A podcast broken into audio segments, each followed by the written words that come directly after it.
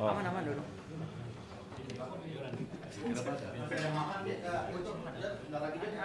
Oh iya. Jod? Easy sakit biasa. Oh, mana ketemu Dima?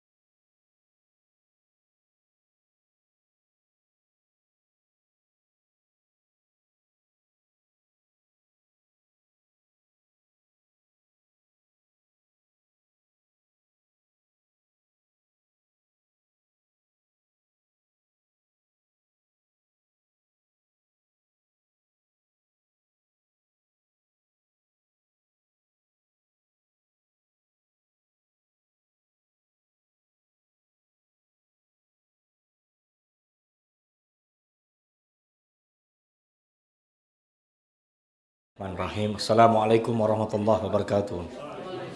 Assalamualaikum warahmatullahi wabarakatuh. Masya Allah, semangat ya. Sudah makan siang-siang hari Ahad, insya Allah eh, dalam nutut ilmu. Innal hamdalillah nahmaduhu wa nasta'in wa nastaghfiru wa na'udzu billahi min syururi anfusina wa min sayyiati a'malina may yahdihillah fala mudilla lahu wa may yudlil fala hadiyalah.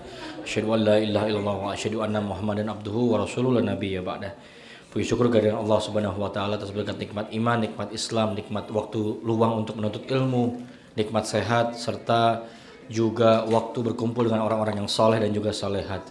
Salawat dan salam tidak lupa kami ucapkan kepada manusia terbaik Rasulullah SAW sehingga atas syafaatnya kita juga kelak berkumpul di hari akhirnya. Insya Allah berkumpul semua di surganya Allah. Amin. Allahumma amin Alhamdulillah teman-teman semuanya uh, pada kegiatan kajian bulanan kali ini kita membahas kitab Adabul Mufrad. Uh, saat ini sudah pertemuan kedua bersama guru kita Ustazuna Abdurrahman Zahir Hafizahullah Ta'ala. Uh, seperti biasa sebelum memulai uh, kajian kita luruskan niat sama-sama untuk menuntut ilmu syar'i. Lalu kita ikatkan ilmu kita dengan tulisan uh, kita catat ilmu kita insya Allah ada notula MOM di Google uh, Sheets ya. Google Sheets apa Google Docs ya? Nanti akan di share sama Mas Aditya Imanuddin jadi insya Allah dari kitab tauhid kitab adab uh, selalu continuously dalam satu file uh, Google uh, uh, apa Google Docs-nya akan selalu di-share. Bagi yang memiliki anak-anak, uh, insya Allah bisa di belakang. Nanti uh, ada guru juga ya dari Mima ya, masih ada guru batas ya. Jadi insya Allah uh, kajiannya bisa lebih kondusif. Sekali lagi luruskan niat untuk menuntut ilmu, jangan lupa catat apa yang disampaikan oleh ustadz kita. Insya Allah kita masuk ke bab adab terhadap orang tua. Mungkin itu dulu bagi yang baru join, uh, uh, kita sudah punya grup WhatsApp. Uh, bagi yang ingin join grup WhatsApp, insya Allah tiga kali join nanti kita invite di grup WhatsApp kita di Ilm Seekers.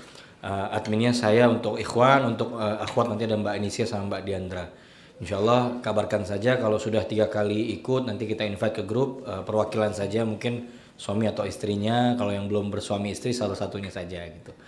Bingung juga ya gimana. Baik itu saja mungkin. Jazakumullah khairan. Sekali lagi kepada tuan rumah kita Akhi Obi Reza Hilmi dan juga Mbak Syifa Ausi. Semoga Allah balas kebaikannya atas uh, rezekinya juga yang telah diberikan dan juga rumahnya untuk menuntut ilmu. Baik langsung saja kita berikan waktu dan tempat kepada Ustaz Zuna kita Abdurrahman Zahir Hafizahullah Ta'ala Tafadhol Ustaz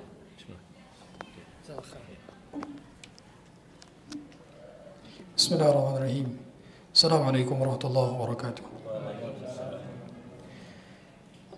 الحمد لله رب العالمين دائم الإفضال عديم النوال الصلاة والسلام على نبينا محمد مولى بلال بدر متلال وعلى آله وصحبه خير صحب وآل أشهد أن لا إله إلا الله وحده لا شريك له وأشهد أن محمدا عبده ورسوله. وصفيه من خلقه وخليله أدى الأمانة وبلغ الرسالة ونصح للأمة وكشف الله به الغمة وجاهد في الله حق جهاده حتى أتاه اليقين وتركنا على محجة بيضاء ليلها كنهارها لا يزيغ عنها إلا هالك. اللهم فصل وسلم وزد وبارك وعنم وكرم ومجد على عبدك ورسولك محمد صلى الله عليه وعلى آله وصحبه وسلم فقال عز من قائل يا أيها الذين آمنوا اتقوا الله حق تقاته ولا تموتن إلا وأنتم مسلمون. فقال عز وجل يا أيها الذين آمنوا اتقوا الله وقولوا قولا سديدا يصلح لكم أعمالكم ويغفر لكم ذنوبكم ومن يطع الله ورسوله فقد فاز فوزا عظيما. Teman-teman yang dirahmati Allah Subhanahu wa taala, alhamdulillah kita kembali berjumpa dan Allah mempertemukan kita. Di majelis ilmu ini yang mana setiap malaikat mengepakkan sayapnya melindungi para penuntut ilmu. Wa innal malaikata la tad'u ajnihataha ridan bima yasna' sehingga tempat dijadikan menuntut ilmu itu diberkahi, orang-orangnya diberkahi, keluarganya diberkahi, bahkan tidaklah setiap orang yang menuntut ilmu niatnya agar Allah mengangkat kejahilan dalam dirinya. Jadi tata cara kita ikhlas dalam menuntut ilmu itu adalah dengan cara niat raf'ul jahli an nafsi wa an ghairi. Jadi dahulu Imam Ahmad pernah ditanya, "Wahai Imam, kaifa akhlasta li talibil ilmi?" Bagaimana caramu dalam mengikhlaskan menuntut ilmu? Kata Imam Ahmad, niatnya adalah dengan raf'ul jahli. Raf'ul jahli, raf'ul jahl, yaitu mengangkat kebodohan. Karena tidaklah setiap di antara kita kecuali lahir dalam keadaan tidak tahu. Allahu akhrajakum min butuni ummahatikum la ta'lamuna syai'a. Kita dilahirkan dari perut ibu kita dalam keadaan tidak mengetahui satu apa pun. Allah yang mengajarkan kita. Dan tata cara Allah mengajarkan kita adalah dengan cara kita bertakwa. Wattaqullaha wa yu'allimukumullah. Sehingga kalau Allah ingin menambah kita ilmu, maka kita harus bertakwa. Bertakwa. Tidak ada cara lain kecuali harus bertakwa dahulu. Mengapa ilmu kita tidak berkah? Barangkali kita tidak bertakwa. Mengapa ilmu kita tidak bertambah? Barangkali kita tidak bertakwa. Karena takwa selalu linear dengan bertambahnya ilmu. Dan tidaklah Allah menyuruh Rasulullah SAW untuk meminta tambahan kecuali tambahan ilmu. Sebagaimana kata Allah dalam surat Taha, "Wa qur rabbi ilma." Mintalah wahai Muhammad ilmu. Di sini dijelaskan oleh para ulama, Allah tidak menyuruh Rasulullah untuk minta harta dalam doa-doanya. Allah tidak menyuruh Rasulullah untuk minta hal-hal yang lain, tapi Allah menyuruh Rasulullah untuk minta ilmu. Dikarenakan dengan ilmulah kita bisa terguide, dengan ilmulah kita bisa tertopang, dengan ilmulah kita bisa terhindar dari syubhat, dengan ilmulah kita bisa menjaga hawa nafsu kita, dengan ilmulah seorang bisa membentengi dirinya dengan hal-hal yang haram. Ilmu, ilmu yang membedakan pada akhirnya. maka kebutuhan kita kepada ilmu melebihi kebutuhan kita kepada udara dan air. Kebutuhan kita kepada ilmu melebihi makanan dan minuman. Seorang yang menuntut ilmu hakikatnya dia sedang mencari primary needs-nya. Jadi primary needs kita adalah ilmu agama sebetulnya, bukan hal yang lain. Hadirin dari Allah Subhanahu wa taala. Kita saat ini akan membahas berkenaan dengan kitab yang merupakan kitab monumental juga setelah Sahih Bukhari yaitu Adabul Mufrad. Kitab ini ditulis oleh Abu Abdullah Muhammad ibn Ismail ibni Berdizbakh al-Bukhari yang mana beliau adalah seorang ulama yang paling cerdas di zamannya, paling kuat hafalannya sehingga tidak ada ada kitab yang paling sahih kecuali adalah Sahih Bukhari. Asahhul kutubi ba'dal Quran adalah Sahih Bukhari. Dan masterpiece beliau berikutnya adalah kitab Al-Adabul Mufrad. Adabul Mufrad ini secara bahasa adalah adab yang mufrad. Mufrad itu menyendiri. Maksudnya gimana? Dia membedakan hadis-hadis ini dibedakan tidak sama dengan Sahih Bukhari. Kalau Sahih Bukhari yang berjumlah 7275 ya, 7275 itu berkenaan dengan hadis-hadis sahih saja. Adapun dalam adab mufrad, maka kita akan dapati hadis-hadis dhaif sebetulnya. Jadi eh, hadis-hadis dhaif pada kitab-kitab adab itu banyak memang. Justru memang hal yang wajar pada akhirnya. Kita Riyadhus Salihin, Tazkiratus Sami wal Adab Mutakallim, Ta'limu Ta'alim, apa kitab-kitab adab lainnya. Hampir semua kitab adab justru menukil apa hadis dhaif. Kenapa? Yang pada dasarnya hadis dhaif itu boleh dipakai dengan persyaratan. Syarat pertama hadis dhaif boleh dipakai adalah dia tidak dipakai untuk halal dan haram. Jadi kalau hadis do'if itu dipakai untuk perkara halal haram maka tidak boleh dipakai. Tidak boleh. Yang kedua, hadis do'if itu boleh dipakai untuk fadha'il a'mal. Untuk apa? Semangat dalam beramal. Semangat beramal. Artinya amalannya sahih. Amalannya sahih tapi penyemangat amalnya itu tidak tidak masalah. Contoh, ada hadis yang menyatakan bahwa Rasulullah SAW itu sholat syuruk. Sahih itu hadisnya. Tapi amalan bahwa sholat syuruknya kita selepas daripada kita sholat berjamaah subuh, man salla subha fi jama'ah thumma qa'ada yadhkurullahi hatta tatlu'a syams fasalla fihi salatan kana lahu ka'ajri umrah tamah tamah tamah. Siapa yang sholat subuh dua rakaat kemudian dia duduk berzikir sampai waktu syuruk kata para ulama berzikir maksudnya apa? Berzikir itu bukan berzikir doang, tapi apa? Menghadiri majelis ilmu. Makanya the best time untuk menuntut ilmu itu pada subuh. Sebetulnya. Karena zikir maksudnya itu adalah pada subuh. Zikir itu adalah maksudnya adalah menuntut ilmu. Makanya halaqatul zikir itu adalah menuntut ilmu. Gitu kata para ulama. Makanya ada hadis Ali Arbat bin ya. Suatu ketika Rasulullah itu sering kajian pada subuh. Wa'azana Rasulullah sallallahu alaihi wasallam dalam hadis arba'in. Wa'azana Rasulullah sallallahu alaihi wasallam wasiyatan. Rasulullah pernah menasihati kami mau'izatan wajilat minhal qulub wa dharafat minhal uyun.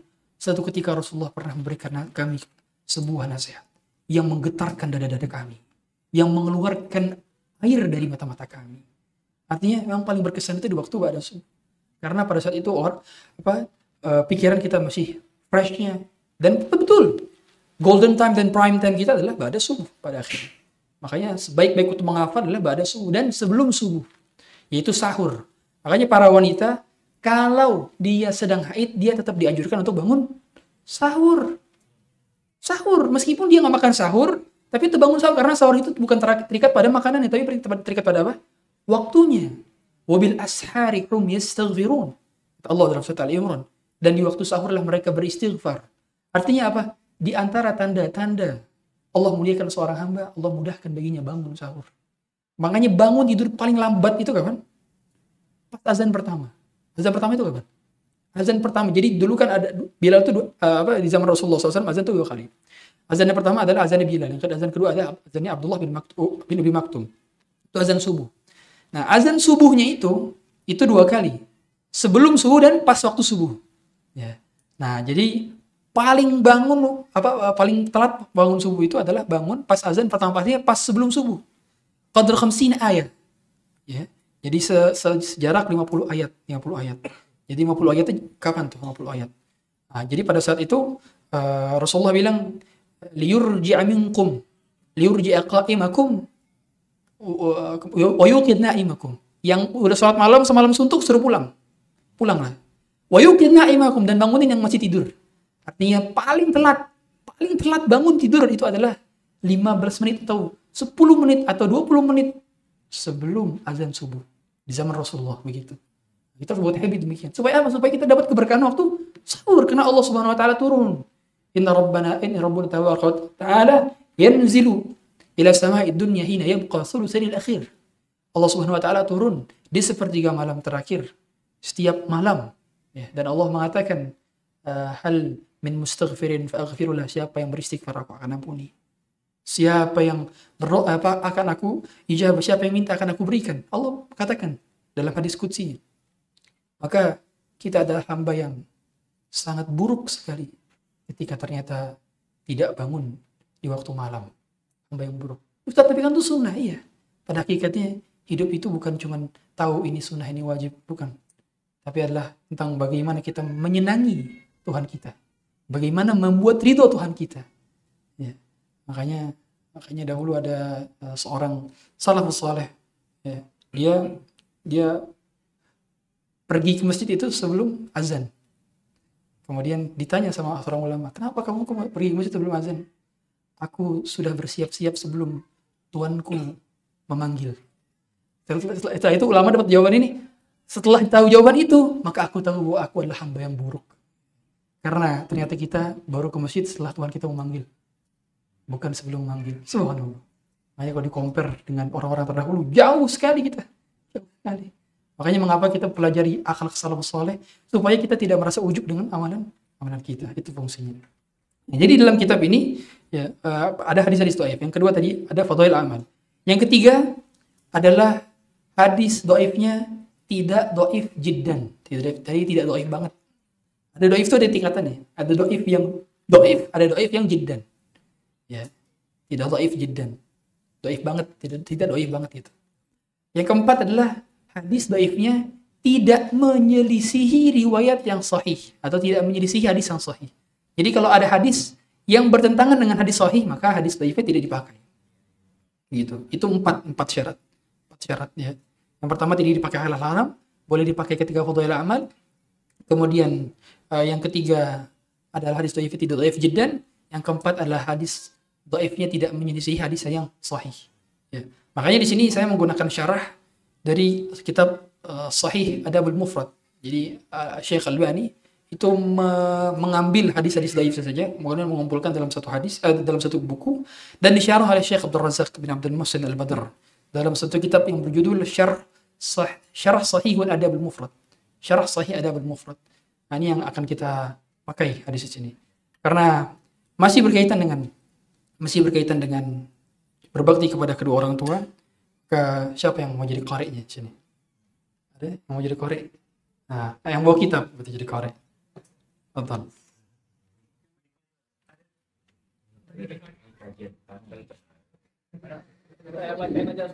Betul. Bismillahirrahmanirrahim berbakti pada, berbakti pada ayah lima Sulaiman bin Harb mengabarkan kepada kami dia berkata Wahab bin Khalid mengabarkan kepada kami dari Ibnu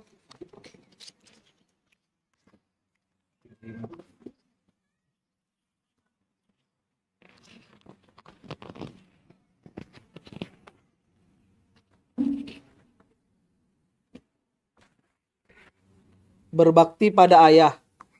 5. Sulaiman bin Harb mengabarkan pada kami, ia berkata, Uhaib bin Khalid mengabarkan pada kami dari Ibnu Shibrimah, ia berkata, Aku mendengar dari Abu Zur'ah meriwayatkan dari Abu Hurairah radhiyallahu anhu ia berkata Rasulullah Shallallahu alaihi wasallam telah ditanya kepada siapa saya berbuat baik. Beliau menjawab ibumu. Ia bertanya lagi lalu pada siapa? Beliau menjawab ibumu. Ia bertanya lagi lalu pada siapa? Beliau menjawab ibumu. Ia bertanya lagi lalu pada siapa beliau menjawab lalu ayahmu. Ya, uh, ini salah satu hadis sahih juga. Jadi nanti saya jelaskan yang sahih mana yang daif mana karena kurikulumnya demikian. eh, bukunya pakai buku ini tidak masalah. Saya belum tahu juga ada kitab terjemahannya enggak kitab eh, syarah sahih ada mufrad ini. Tapi pada akhirnya tidak masalah karena ini meskipun ada hadis dhaif tapi hadis dhaif tidak bertentangan dengan hadis hadis sahih. Demikian. Ah, di sini dijelaskan oleh oleh Imam Bukhari. Jadi setiap hadis yang di sini adalah hadis yang diriwayatkan oleh beliau dan beliau itu menghafal satu juta hadis. Beliau menghafal satu juta hadis, kemudian punya guru lebih daripada seribu dan riwayat-riwayat hadis yang beliau sampaikan adalah hasil dari perjalanan beliau menuntut ilmu. Jadi travel ini bukan sekedar travel vacation holiday, tapi betul-betul travel untuk talabul ilmi, for the seeking knowledge. Itu yang keren berarti ya. Jadi mulai kita rutinkan kalau ada trip travel, silahkan ada perjalanan ilmu juga di situ. Gitu ya. Dan pada akhirnya para ulama ketika menuntut ilmu itu mereka mereka rela rela apa? Rela bangkrut, rela, rela habis uangnya. Karena ada sebuah kaidah di antara mereka mantalabal hadis aflas. Siapa yang menjazal Siapa yang mencari hadis maka dia akan bangkrut. Ya, karena emang uh, pada akhirnya menurut ilmu memang harus mengeluarkan biaya. Sebagaimana kata Imam Syafi'i. Ya ada enam hal. Enam hal. Sittatun. Ada enam hal yang harus dikeluarkan oleh penuntut ilmu. Harus apa namanya dilaksanakan penuntut ilmu. Yang pertama adalah zakaun, kecerdasan, wastibarun, kesabaran, wabulghatun, modal atau bekal, wa, batu ustadin, kemudian bersahabat dengan ustad, ya watulus zaman kemudian adalah uh, panjangnya perjalanan panjang, panjangnya perjalanan atau lamanya maka orang yang pada akhirnya orang yang menurut ilmu itu harus bersabar berlama-lama bersimpuh di kaki-kaki guru. Makanya kalau kita kajian apalagi daurah itu daurah itu pegel itu sebenarnya. Ya, pegel itu itu baru kerasa itu pegel. Ya pegel banget itu kan. Begini gini terus. Ustadznya enak menyender saya. Ya, nyender antum nggak nyender. Pegel itu. Ya pada akhirnya gitu. Harus berimpun juga. Karena pada akhirnya semua yang jadi ustadz juga dulunya sama nanti tino kayak antum juga gitu kan. Uh, dia duduk juga di bawah bersama uh, syekh-syekh gitu kan. Nah, pada akhirnya demikian. Jadi harus sabar. Dan dari situlah semoga saja Allah menggugurkan dosa-dosa kita. Sejumlah lamanya kita berada dalam kajian ilmu. Nah, itu kita berharap demikian ya. Karena pada akhirnya ilmu adalah cara tercepat dalam uh, menuju surga Allah Subhanahu wa taala ya. Nah, di sini Rasulullah mengulang tiga kali ummuka summa ummuka summa ummuka. Ini menjadi petanda bahwa ibu memiliki hak yang lebih daripada ayah. Tapi tidak serta-merta kita mengabaikan ayah karena pada dasarnya keduanya memiliki peran masing-masing dalam keluarga. Hanya saja kedekatan seorang anak kepada ibunya lebih dominan dibandingkan kedekatan anak kepada ayahnya. Pada umumnya demikian. Pada dasarnya Islam berusaha untuk menempatkan setiap perannya masing-masing Makanya ibu dengan kelembutannya dan ayah dengan ketegasannya. Ibu adalah sekolah bagi anak, sedangkan ayah adalah kepala sekolahnya. Maka jangan pernah kita remehkan peran masing-masing, karena setiap memiliki peran masing-masing. Bahkan di dalam Quran ada 14 dialog antara ayah dengan anak, sedangkan hanya ada dua dialog antara ibu dengan anak. Maknanya Quran sangat concern terhadap komunikasi antara bapak dengan anak. Begitu ya. Oleh karenanya uh, sekarang lagi-lagi tema-tema fatherless ya. Ada figur seorang ayah yang hilang di rumah-rumah kita. Di mana anak tidak lagi mendapatkan kecupan, pelukan, bahkan kasih sayang daripada anaknya. Ya. Bapaknya lebih sering megang gadget daripada kepala anaknya. Lebih sering apa? Lebih sering uh, melakukan hal yang tidak bermanfaat dibandingkan sekedar mencium kening anaknya sebelum dia berangkat sekolah. Ini peran yang hilang dan figuritas yang hilang. Pada akhirnya mereka mencari kasih sayang di luar rumah sehingga terjadilah hal-hal yang tidak diinginkan dalam agama kita. Oleh karenanya ya, penting sekali ya untuk kita pada akhirnya um, berbakti kepada kedua orang tua. Pada akhirnya berbakti kepada orang tua adalah amalan yang paling besar, paling besar. Dan setiap kita itu punya potensi amal masing-masing. Dan kalau punya orang tua, maka serve mereka like a king and princess. Jadi jangan sampai orang tua itu lebih rendah daripada kita fasilitasnya. Jangan sampai kasur mereka tidak lebih empuk daripada kasur kita. Jangan sampai kamar mereka lebih tidak layak daripada kamar kita. Silakan cek orang tua masing-masing. Layak gak kira-kira hidup? Jangan sampai. Kalau bisa handphone lebih bagus daripada handphone kita. Kalau bisa kamar lebih bagus daripada kamar kita. Kalau bisa kasur lebih empuk dari kasur kita. Gimana caranya? Karena pada akhirnya adalah berbakti kepada orang tua adalah ihsan wabil walidaini ihsan mereka mendapatkan ihsan yang terbaik dari fasilitas yang kita punya. Kayak ada pertanyaan dulu Ustadz, kalau saya punya, eh, saya wah harta saya udah mencapai nisab Ustadz. Kalau saya ngasih zakat kepada orang tua saya boleh gak Ustadz? Orang tua saya miskin. Sebelum kamu ngasih zakat ke orang tua kamu, kamu sudah dosa besar. Karena membiarkan orang tua kamu miskin. Gak boleh orang tua kita miskin, sedangkan kamu sudah wajib zakat. Orang tuanya miskin, gimana ceritanya? Gak boleh itu, nauzubillah, nauzubillah. Nah, kalau bisa kita berebutan, orang tua itu berebutan. Mama nginep di rumah aku aja, mama aku aja yang ngurusin. Ayah di rumah aku aja. Berebutan tuh anak-anak. Jangan sampai mama di belakang kamu aja deh. Eh, ya deh. ya. Subhanallah. Ganti-ganti nama dia. Berebutan kalau bisa. Kalau bisa berantem tuh untuk saling berbakti, tapi nggak gitu juga kan. Tapi maksudnya di sini adalah peran ibu ya sebagaimana kita tahu semua bahwa eh, surga itu pada ridhonya mereka berdua Uh, makanya pada perkara-perkara yang sekiranya nggak melanggar syariat turut hatin aja meskipun kelihatannya nggak make sense kan kadang ya contoh eh, mereka misalkan mereka nggak nggak ngizinin kita untuk pergi pergi misalkan untuk pergi satu trip yang emang nggak ada unsur keharaman mereka nggak izin kita. Ya udah ya taat. Jadi pada akhirnya ingat dalam setiap ketaatan itu ada pahala besar yang menanti. Boleh jadi itu tidak bermasalah dan tidak make sense bagi kita.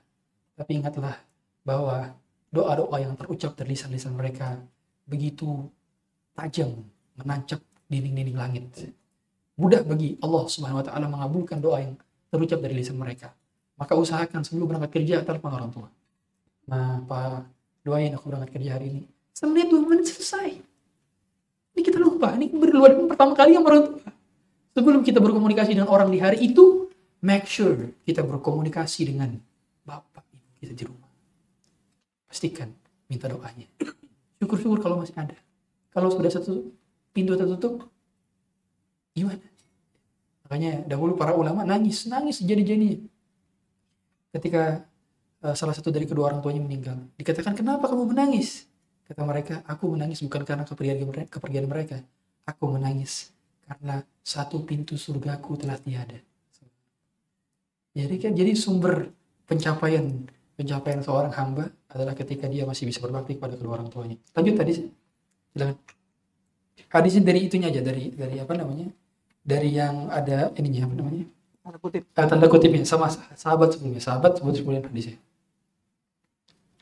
ada sahabat dari Ibnu Abbas dia berkata Enam. sangat- Abu Zurhah telah meriwayatkan dari Abu Hurairah radhiyallahu anhu bahwasanya seseorang telah mendatangi Rasulullah Shallallahu alaihi wasallam dan bertanya, "Apa yang kau perintahkan kepadaku?" Beliau menjawab, "Berbaktilah pada ibumu." Kemudian ia kembali lagi dengan pertanyaan yang sama. Lalu beliau menjawab, "Berbaktilah pada ibumu." Ia kembali lagi dengan pertanyaan yang sama. Lalu beliau menjawab, "Berbaktilah pada ibumu." Ia kembali lagi keempat kalinya. Beliau menjawab, berbaktilah pada ibumu. Kemudian ia kembali lagi kelima kalinya dengan pertanyaan yang sama. Lalu beliau menjawab, berbaktilah pada ayahmu.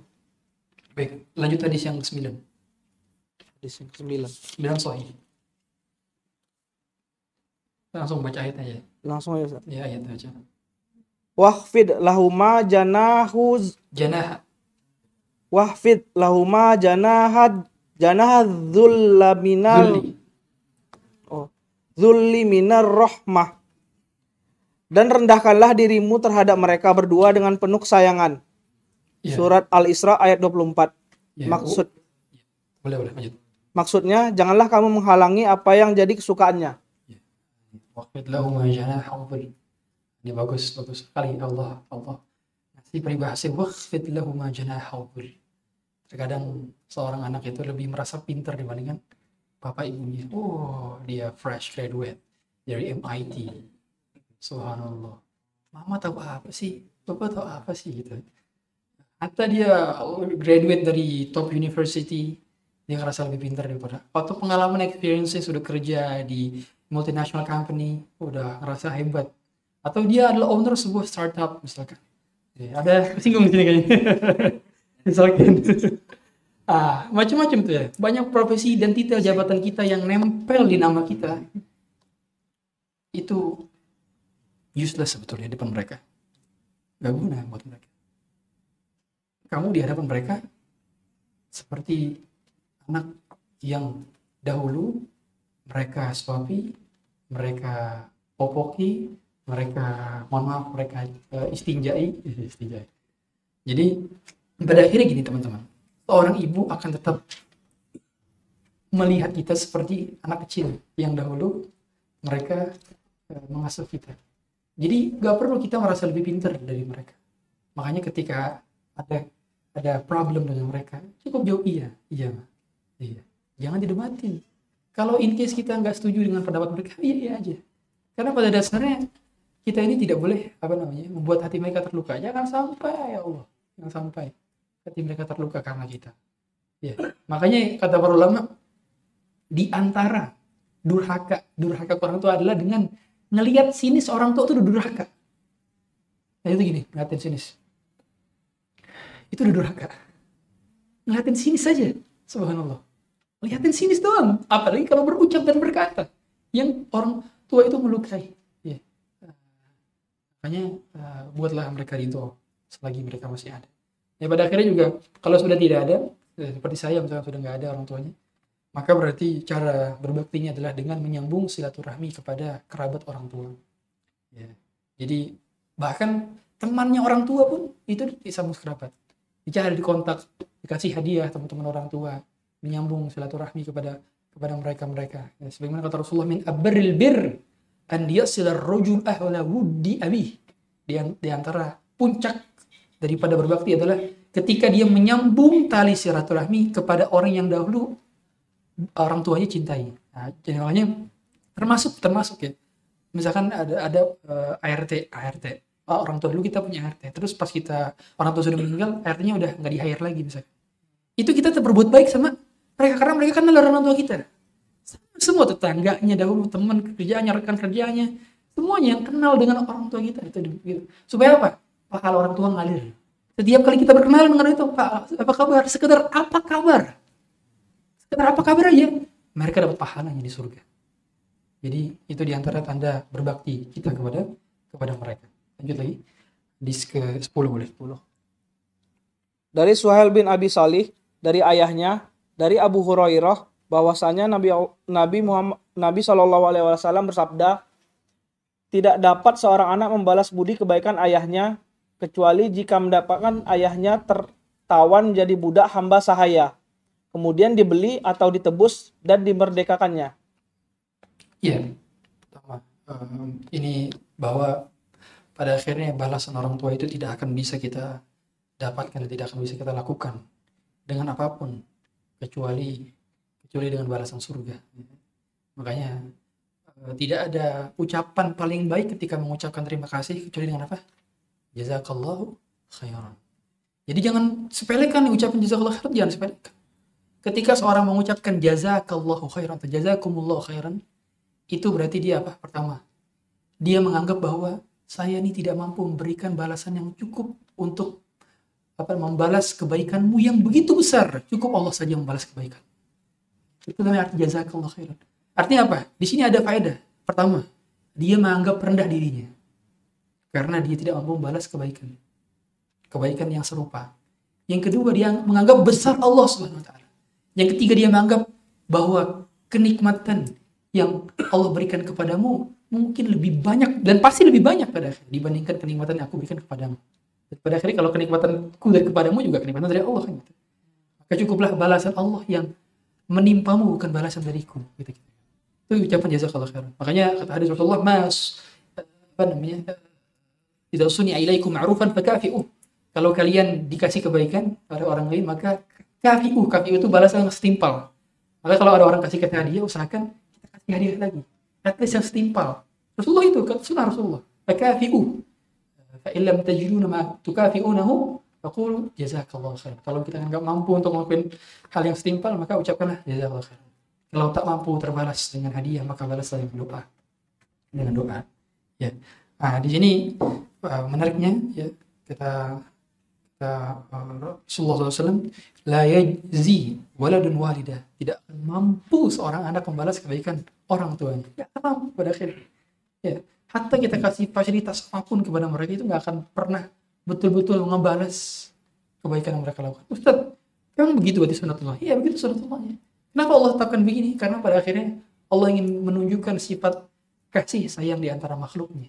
Karena memang pada akhirnya kasih sayang Allah berikan itu kepada kepada kita itu bagian daripada sedikit kasih sayang yang Allah berikan kepada kita dan sisanya nanti akan di surga. Jadi rahmat Allah Subhanahu wa taala yang di surga ini hanya di surga itu 99. Sisanya satunya di dunia. Satunya itu dalam bentuk apa tadi? Kasih sayang orang tua kepada anaknya dan kasih sayang anak kepada orang tuanya. Makanya segalak-galaknya singa ketika berhadapan dengan anaknya, dia akan menyayangi anak. Segalak-galaknya kucing ketika melihat tikus, tapi ketika berhadapan dengan anaknya, dia akan aware kepada anaknya. Ya, dan akan betul-betul menjaga anaknya. Ya, itu pada akhirnya itu sifat rahmah yang Allah titipkan kepada hati-hati makhluknya.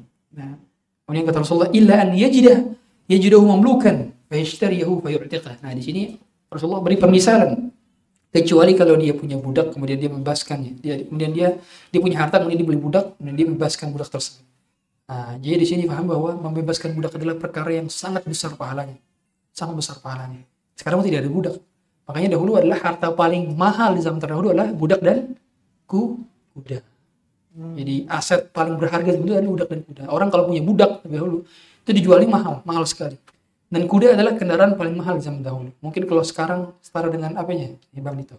Mobil apa yang paling mahal? Iya, nah itu. nah, setara dengan itu mungkin dulu zaman dulu zaman dulu. Rasulullah sempat punya, makanya Rasulullah pernah sempat punya kuda paling bagus, unta paling bagus, sempat punya. Makanya Rasulullah itu um, tidak bisa kita lihat dari satu sisi, oh Rasulullah itu miskin hidupnya, seperti kita miskin aja hidupnya. Begitu juga. Pada akhirnya Rasulullah pernah Allah buat kaya dan pernah Allah buat miskin sebagai penanda bahwa hakikatnya kekayaan dan kemiskinan itu hanya sekedar status. Tapi yang terpenting adalah bagaimana kita bisa takwa dalam keadaan kaya dan bisa takwa dalam keadaan miskin. That's the point. Itu poinnya. Bukan bagaimana kita bertakwa kaya, bukan kira-kira enggak. Pada akhirnya bagaimana caranya kita bisa takwa dan beramal soleh dalam berbagai keadaan yang menimpa kita. Itu mindsetnya seperti itu pada akhirnya. Lanjut lagi. Uh, hadis 11 sahih kan. 11.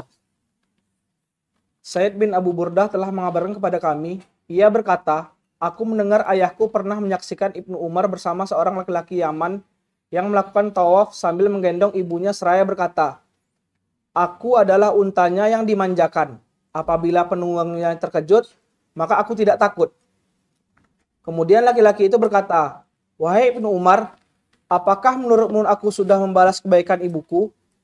Ibnu Umar menjawab, tidak dan tidak pula sekali nafas.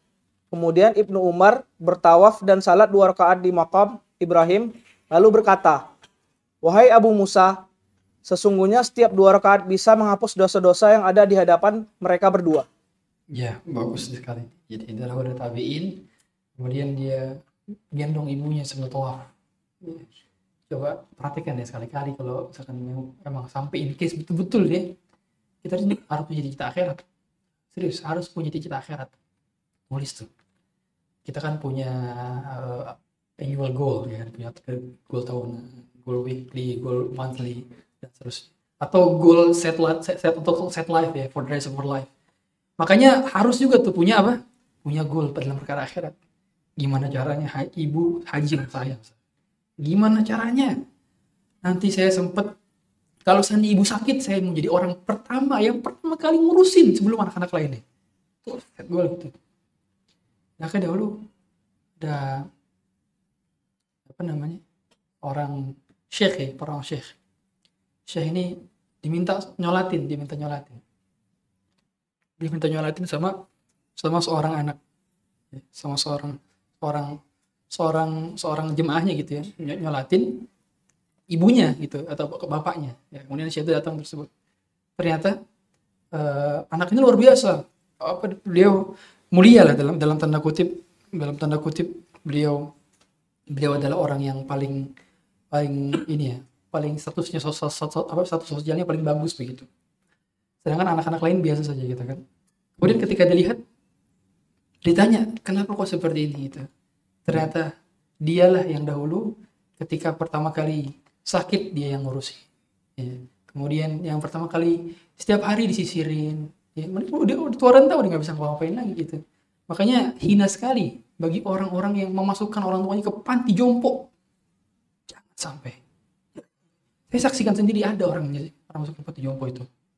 Ini gimana? Suruh pintu surga dimasukin dibuang. Pintu kedua nggak boleh dibuang. Masukin ke rumah kita itu. Oke. Jangan dibuang sekali-kali.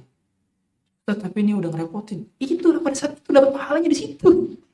Kamu dapat pahala dari mana kalau mereka nggak kalau orang tuamu tidak merepotmu merepotkanmu? Dari situ pahalanya. Ya. nah, nggak masalah. Makanya usahakan semua kebutuhan orang tua kita cover. Kita cover. Dan ya Allah pada akhirnya sukses dua akhirat itu dunia akhirat itu berawal daripada berbakti. Saya dapati di depan mata saya sendiri banyak kisah-kisah yang nggak bisa sebutkan satu persatu. Ketika nggak ada anak-anak yang ngurus untuk apa namanya untuk soal lagi sakit nih ternyata satu orang doang anak tuh. Ya itulah ternyata yang menjadi batu loncatannya untuk bisa sukses. Dari situ awalnya banyak kisah kita nggak perlu ceritain banyak kisah kita dapatkan ya. Eh, makanya dalam hal ini kita nggak perlu takut akhirnya. Kalau ternyata eh, sifat mereka karakter mereka ternyata menyakitkan hati kita atau atau karena apa namanya karena perkataannya sudah kurang kontrol lagi gitu kan. Ya karena udah tua pikun dan seterusnya emosi sudah nggak stabil. Dari situ aja justru pahalanya. Di situ pahalanya. Kalau kita bisa bersabar di situ pahalanya. Ya. Eh, makanya Allah katakan wastabir wastabir suruh sabar. Pada akhirnya wastabir Sab, ini kalau bagus ya. Eh, so- so- asal kata sabar itu kan sabar.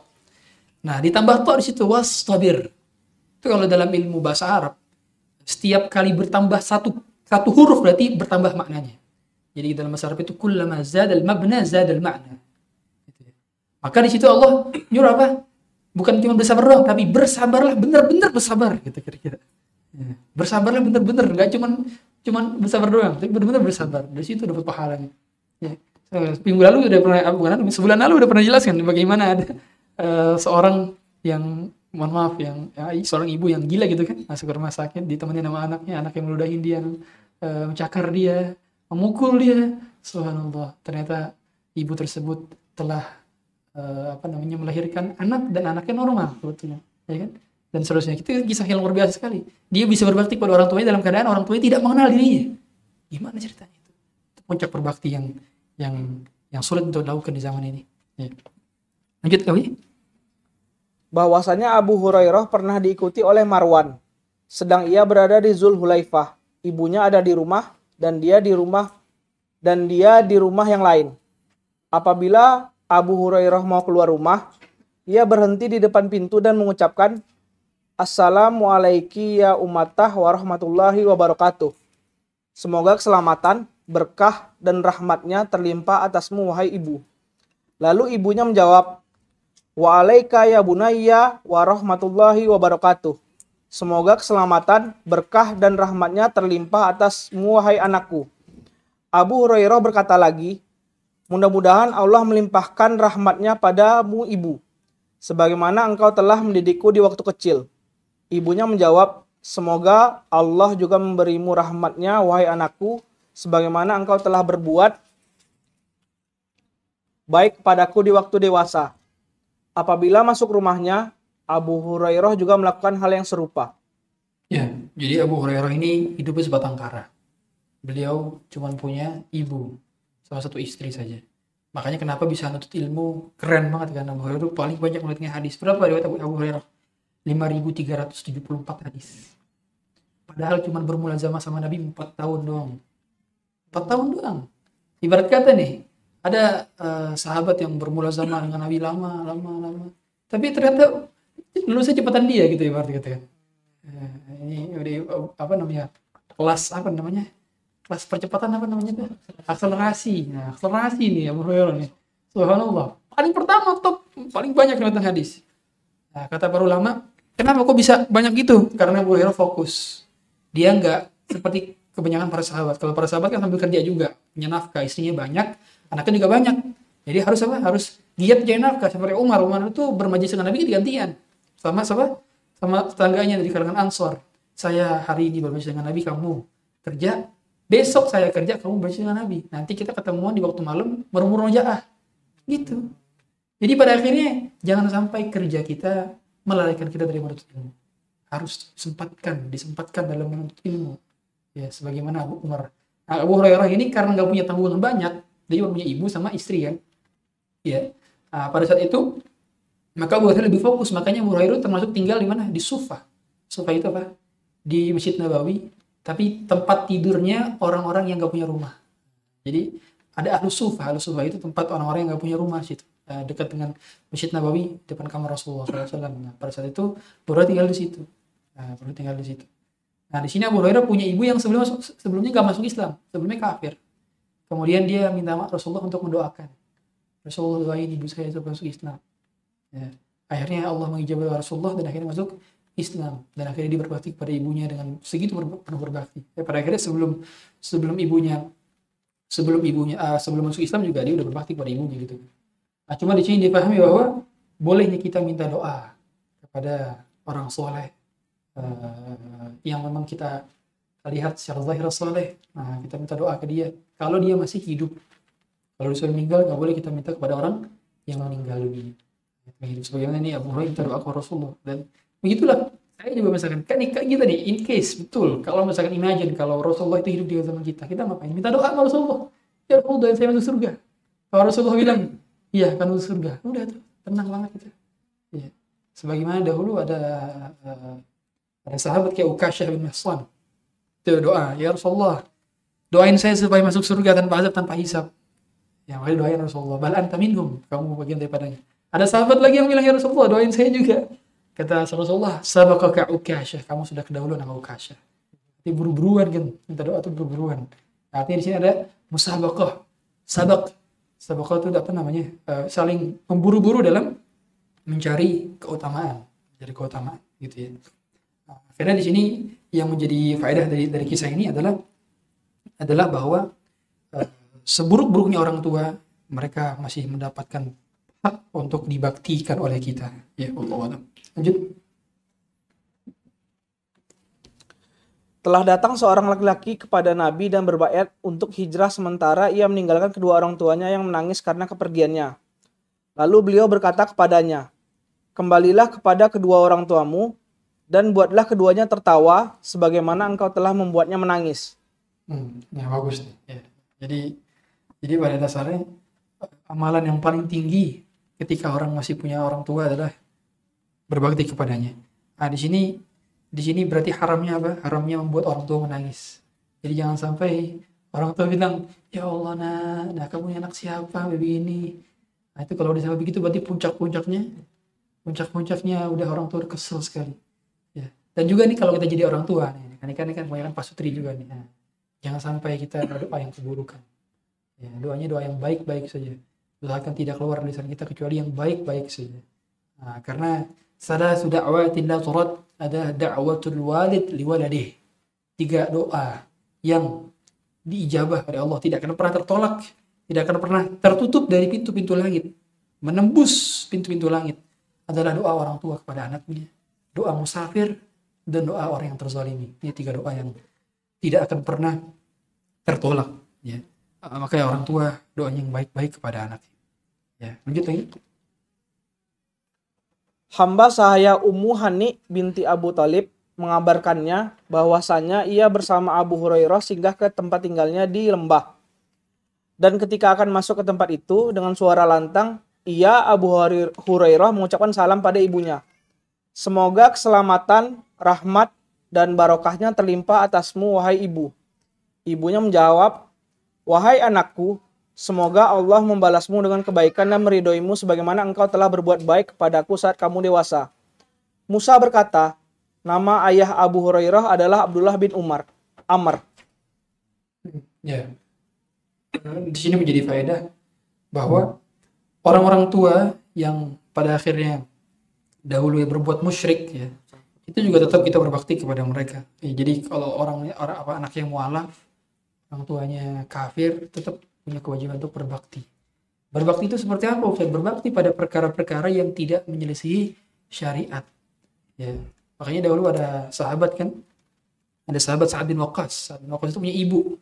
Punya ibu, ibunya ini nggak mau makan kecuali Sa'ad bin Waqqas itu murtad dulu. Tuh gimana tuh? Siapa kita yang cobaan kayak gitu? Ada cobaan kayak gitu? Susah sekali tuh. Pokoknya saya mogok makan. Tapi Sa'ad bin Waqqas luar biasa. Jawabnya keren banget. Seandainya ibu meninggal kemudian hidup lagi, meninggal kemudian hidup lagi. Ya. Tapi dengan syarat aku ini meninggalkan agamaku, maka aku tidak akan meninggalkan agamaku ini. Kuatnya.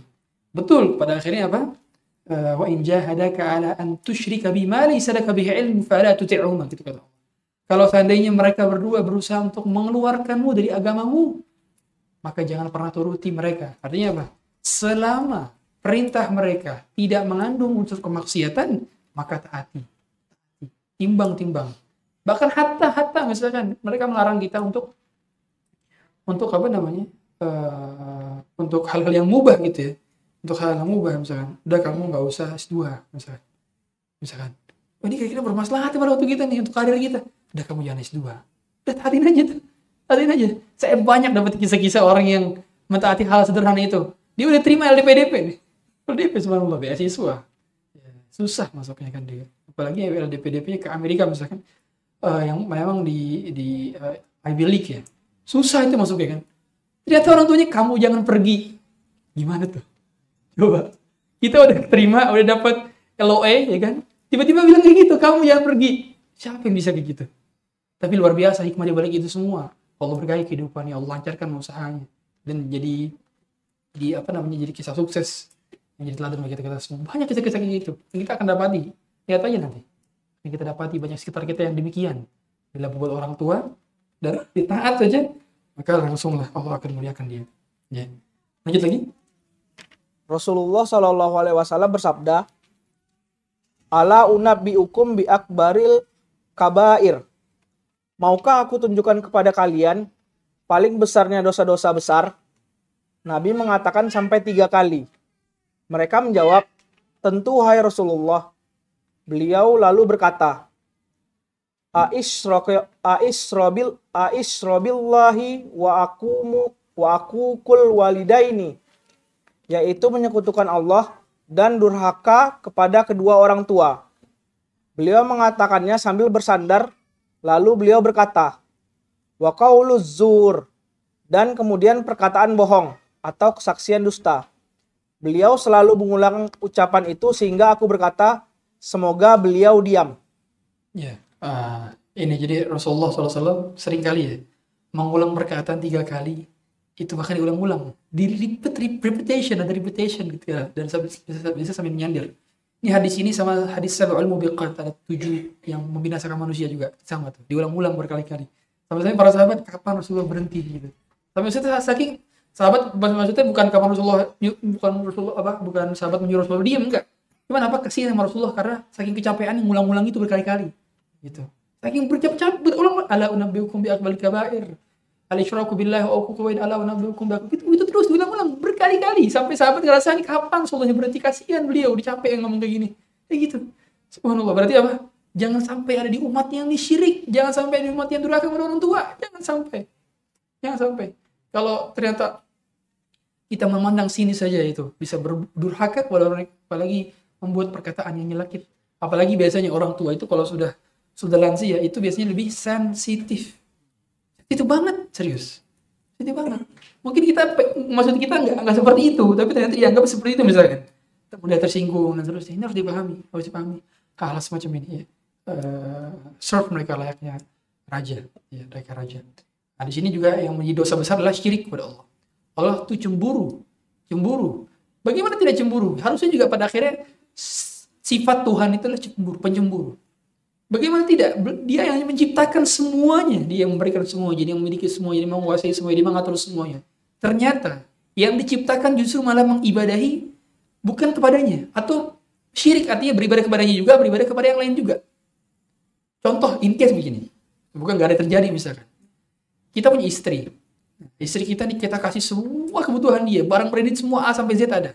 LV, LV. Mobilnya semua punya Bang Dito punya misalkan. Semua punya.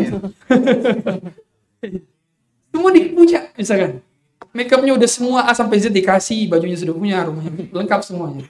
Kita pergi misalkan. Ternyata dia ngelainin suami orang. Kira-kira gimana perasaan kita? Wow, marah betul dan itu harus marah. Kalau nggak marah justru dipertanyakan kan gitu pada akhirnya. Nah, maka begitu pula ini walillahi masalah Allah mempunyai permasalahan yang lebih agung daripada ini. Tapi maksudnya adalah Allah sangat cemburu sekali ketika kita berharap kepada selainnya. Oke berharap kepada dia juga tapi kepada selainnya. Syirik itu kan apa? Beribadah kepadanya dan beribadah kepada lainnya. Dua ya kan? Atau tiga atau empat dan seterusnya. Jadi pada dasarnya orang itu eh, akan mendapatkan dosa besar kalau dia masih berharap kepada kepada selain daripadanya gitu. Beribadah kepada selainnya, berdoa kepada selainnya. Ya. Eh, beristighfar tidak meminta ampun kepadanya kepada kepada ke- kepada selainnya gitu. Nah, ini dosa besar gitu karena Allah Maha Pencemburu. Bahkan saking cemburunya Allah, Allah mengetes jiwanya Nabi Ibrahim gitu kan. Udah berdoa 86 tahun. Berdoa Rabbi habli minas salihin. Udah dikasih anak, anaknya malah dia apa? Disuruh ditinggalkan di lembah Tabernandus. Ini bukti bahwa apa? Allah menginginkan jangan sampai di hati Ibrahim ada selain Allah. Itu fungsi gitu, fungsi gitu. Sampai-sampai ketika sudah tua, sudah sudah besar, ketika usia remaja, sudah apain? Dites sembeli, mau kan nyembeli? Allah yang tes seperti Ibrahim. Karena Allah menginginkan tidak boleh ada di hati hamba kecuali kecintaan yang paling besar dan harus besar kecuali kepada Allah saja dalam hatinya. Itu pajaknya. Maka besarkanlah Allah dalam hati kita. Dan kebesaran Allah akan terlihat di hati-hati kita dari lisan kita dan ucapan kita. Apa yang paling terucap dari lisan itu menandakan apa isi hati kita. Dan apa yang terlintas dalam doa itu menandakan apa juga yang menjadi obsesi terbesar kita. Maka make sure bahwa yang paling banyak kita doakan dan yang paling banyak kita ucapkan adalah Allah, Allah, dan Allah. Kemudian lanjut lagi. Suatu ketika Muawiyah menyurati Mukhirah dan mengatakan, "Tulislah untuk saya apa yang pernah engkau dengar dari Rasulullah Shallallahu alaihi wasallam." Warat berkata, lalu Mukhirah mendiktekannya padaku dan aku menuliskan menulisnya. Saya telah mendengar Rasulullah Shallallahu alaihi wasallam melarang untuk banyak bertanya, membuang-buang harta dan berbicara begini begitu, omong kosong. Ya, jadi maksud di sini adalah eh, di antara di antara hal-hal yang juga eh, apa namanya, yang juga termasuk kesia-siaan adalah berbicara omong kosong. Maksudnya berbicara hanya senda gurau berlaka tanpa ada ada hal-hal yang membuat orang lain apa namanya eh, mendapatkan bertambah keimanannya. Tapi juga di sini difahami bahwa boleh kita apa membuat membuat orang membuat orang tertawa, membuat orang lain senang selama tidak apa berbohong.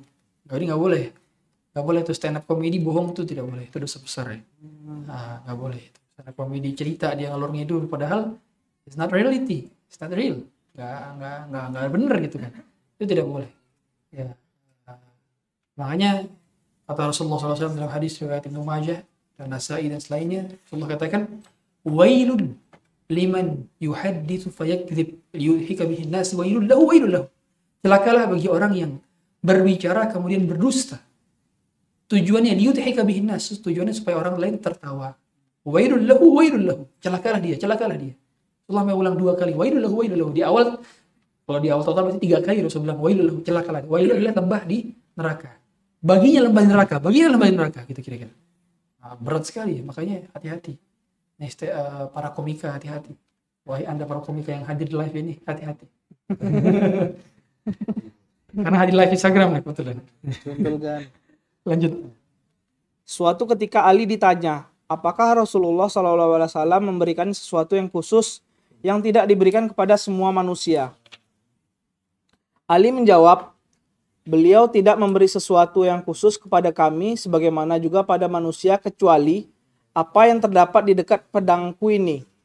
Lalu Ali mengeluarkan sebuah lembaran yang di dalamnya termaktub kalimat La'anallaha man zabaha li ghairillahi wa la'anallaha man saroko manaro ardi wala wala anallahi man la'ana walidahu wala anallaha man wa muhdisa Allah melaknat orang yang menyembelih bukan karena Allah. Allah melaknat orang yang mencuri batas tanah. Allah melaknat orang yang melaknat kedua orang tuanya. Dan Allah melaknat orang yang melindungi orang yang melanggar hukum Allah. Ya, ah, di sini yang jadi poin adalah la'anallahu man la'ana walidah. Allah melaknat orang yang melaknat orang tuanya. Dijelaskan di hadis lain. Jadi maksud daripada melaknat kedua orang tua itu melaknat gimana maksudnya? Adalah me, mengejek-ngejek oh, oh, apa namanya? orang tua teman kemudian orang apa kemudian teman tersebut mengejek-ngejek orang tua kita. Itu maksud daripada mengejek-ejek orang tua. Jadi nggak boleh tuh mengejek-ejek sama orang tua. Eh, Bambang. Eh, Acep. Nggak boleh tuh. Zaman SD itu. Itu membuat apa? Membuat orang lain membuat orang lain mencela orang tua kita. Meskipun kita tidak mencela orang tua kita, tapi karena membuat orang lain mencela orang tua kita, maka kita termasuk ke dalam laknat ini. Orang yang melaknat orang tua sendiri gitu. Ya. Makanya kita nggak boleh mencela apa? Kita nggak boleh mencela Tuhan Tuhan orang lain. Bukan bukan bukan apa? Tujuannya bukan gara-gara mereka tidak tercela, bukan mereka tercela. Cuman tidak boleh karena berdampak kepada mereka bisa mencela, mencela Tuhan kita kan gitu. Fayasubullah. Maka akan fayasubullah, maka mereka akan apa? Mereka akan berusaha untuk mencela-cela Tuhan kita kalau kita berusaha mencela Tuhan Tuhan mereka. Nggak boleh tuh. Tuh lihat Tuhan ente. Telanjang, nggak boleh. Nggak boleh itu, itu nggak boleh serius, nggak boleh. Karena itu menyebabkan apa? Mereka nanti mencela-cela Tuhan kita. Nggak boleh. Sama, tidak boleh mencela orang tua orang lain akan berimpact kepada mencelanya mereka kepada orang tua kita. Bertobat tuh dulu tiap suka ngatain orang tua orang tua taat nih temen itu. Ya, kesian. Ya. Mohon maaf yang namanya Bambang, saya tidak bermaksud. Lanjut. Lanjut. Berbakti kepada kedua orang tua selama tidak membawa kepada mak- kemaksiatan. Dari Abu Darda, ia berkata, ini dibaca semua, Ustaz. Agak berat, Ustaz. Artinya aja ya, Ustaz. Artinya aja, artinya aja. Per- per- perut kenyang nih, nanti salah-salah. Rasulullah Shallallahu Alaihi Wasallam telah mewasiatkan kepadaku sembilan perkara, yaitu pertama, jangan menyekutukan Allah dengan sesuatu, walaupun engkau dipenggal atau dibakar. Kedua, jangan meninggalkan sholat-sholat wajib dengan sengaja, karena barang siapa yang meninggalkan dengan sengaja, ia terbebas dari perlindungan. Ketiga, jangan minum arak, karena itu pintu dari kejahatan. Keempat, taatlah kepada kedua orang tuamu, sekalipun keduanya menyuruhmu keluar dari duniamu, maka keluarlah karenanya. Kelima, janganlah membangkang pada pemerintah. Pertimbangkan bagaimana jika kamu menjadi pemerintah. Keenam, jangan lari dari peperangan walau kamu akan celaka dan teman-temanmu lari. Ketujuh, carilah nafkah untuk keluargamu selama engkau masih hidup. Kedelapan, jangan sekali-kali memukul keluargamu. Kesembilan, ringankanlah beban mereka karena Allah Subhanahu wa taala. Ya, Masya Allah bagus. Jadi kita lihat nih, ini wasiat-wasiatnya tentang wasiat takwa semua ya. Coba deh kita sering-sering WA istri kita atau anak-anak kita kalau punya anak yang udah besar. Itu nggak apa WA-nya WA wasiat. Bapak wasiatkan kepada kalian, jangan tinggalkan sholat. Gitu. Itu tuh wasiat bagus gitu tuh. Rasulullah SAW itu banyak mewasiatin ke Abu Hurairah, kepada Umar, kepada kalau di sini kepada Abu Darda ya kan. Sembilan poin yang diriwayatkan. Ini hadis ini hadisnya Hasan. Sembilan poin yang diriwayatkan Abu Darda ini. Ini menjadi petanda bahwa uh, kita punya sering-sering menasihati ketakwaan kepada teman kita, kepada anak kita, kepada kepada istri kita dan seterusnya. Uh, di aku ini hanya sekedar peneman kamu di dunia. Yang menjaga kamu ini Allah, bukan aku. Ya gitu. Ya. Makanya uh, dahulu bahkan dahulu bahkan ada, ada seorang ulama namanya Abdul Hasan. Uh, Abdul Hasan Aqil Abdul Hasan Aqil ya, suatu ketika dia menggendong menggendong anaknya yang meninggal dunia. Jadi menguburkannya. Kemudian menguburkannya. Kemudian dia bilang astaudiuka Allah aku menitipkanmu kepada Allah. Inna rabbaka khairu min abik sesungguhnya Tuhanmu lebih baik daripada daripada bapakmu katanya. Jadi maksudnya apa? Jadi orang-orang yang uh, harus paham nih pada akhirnya ketika kita mendidik anak hakikatnya Allah, anak tersebut berada dalam penjagaan Allah. Jangan pernah kita uh, me- me- menyandarkan pendidikan anak kepada kita. Nggak bisa. Pada akhirnya anak adalah milik Allah. Harus kita serahkan dia kepada Allah. Nabi Nuh. Kurang nabi apa lagi dia? Kurang soleh apa lagi? Nah seorang, seorang nabi. He's a prophet gitu kan rasul pertama bahkan Nabi Nuh itu tapi ternyata apa anaknya nggak semua berbakti pada akhirnya makanya kesalahan anak itu bukan diukur dari seberapa besar dan kuat seorang bapak atau ibu belajar parenting. Tapi itu given dari Allah. Given. Makanya tetap kita bisa berusaha dan kita bisa mengusahakan dengan berdoa dan dan berusaha. Tapi pada akhirnya anak bisa taat atau tidak itu bukan bukan bukan hak prerogatif kita begitu ya. Nah di sini dosa-dosa besar lagi yang yang yang di- disebutkan kan. Jangan syirik ada itu. Makanya penting sekali kita nih. Kita harus memprioritaskan ilmu. Itu ilmu apa? Jangan berbuat syirik. Makanya alhamdulillah di sini kan selain belajar akhlak kita belajar tauhid juga ya. Alhamdulillah itu penting sekali. Penting. Jangan sampai belajar ilmu lain belajar ilmu bisnis parenting tapi ilmu tauhid ini lupa. Nggak boleh. Nggak boleh. Harus belajar tauhid tauhid gitu.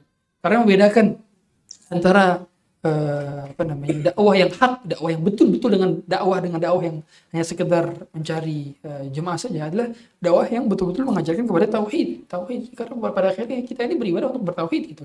Hidup untuk bertauhid bukan untuk yang lain gitu.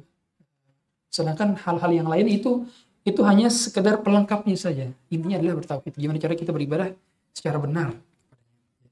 Lagi-lagi jangan jangan mencukupan Allah kemudian jangan tinggalkan sholat. Artinya dosa ini ini urutan ini adalah urutan biasanya kalau Rasul- Rasulullah mengurut itu urusannya dosa paling besar biasanya di urutan setiap kali mengurutan gitu biasanya. Makanya nggak ada hal sia dalam setiap hadis dan Quran itu peletakan urutan itu tuh ada maknanya.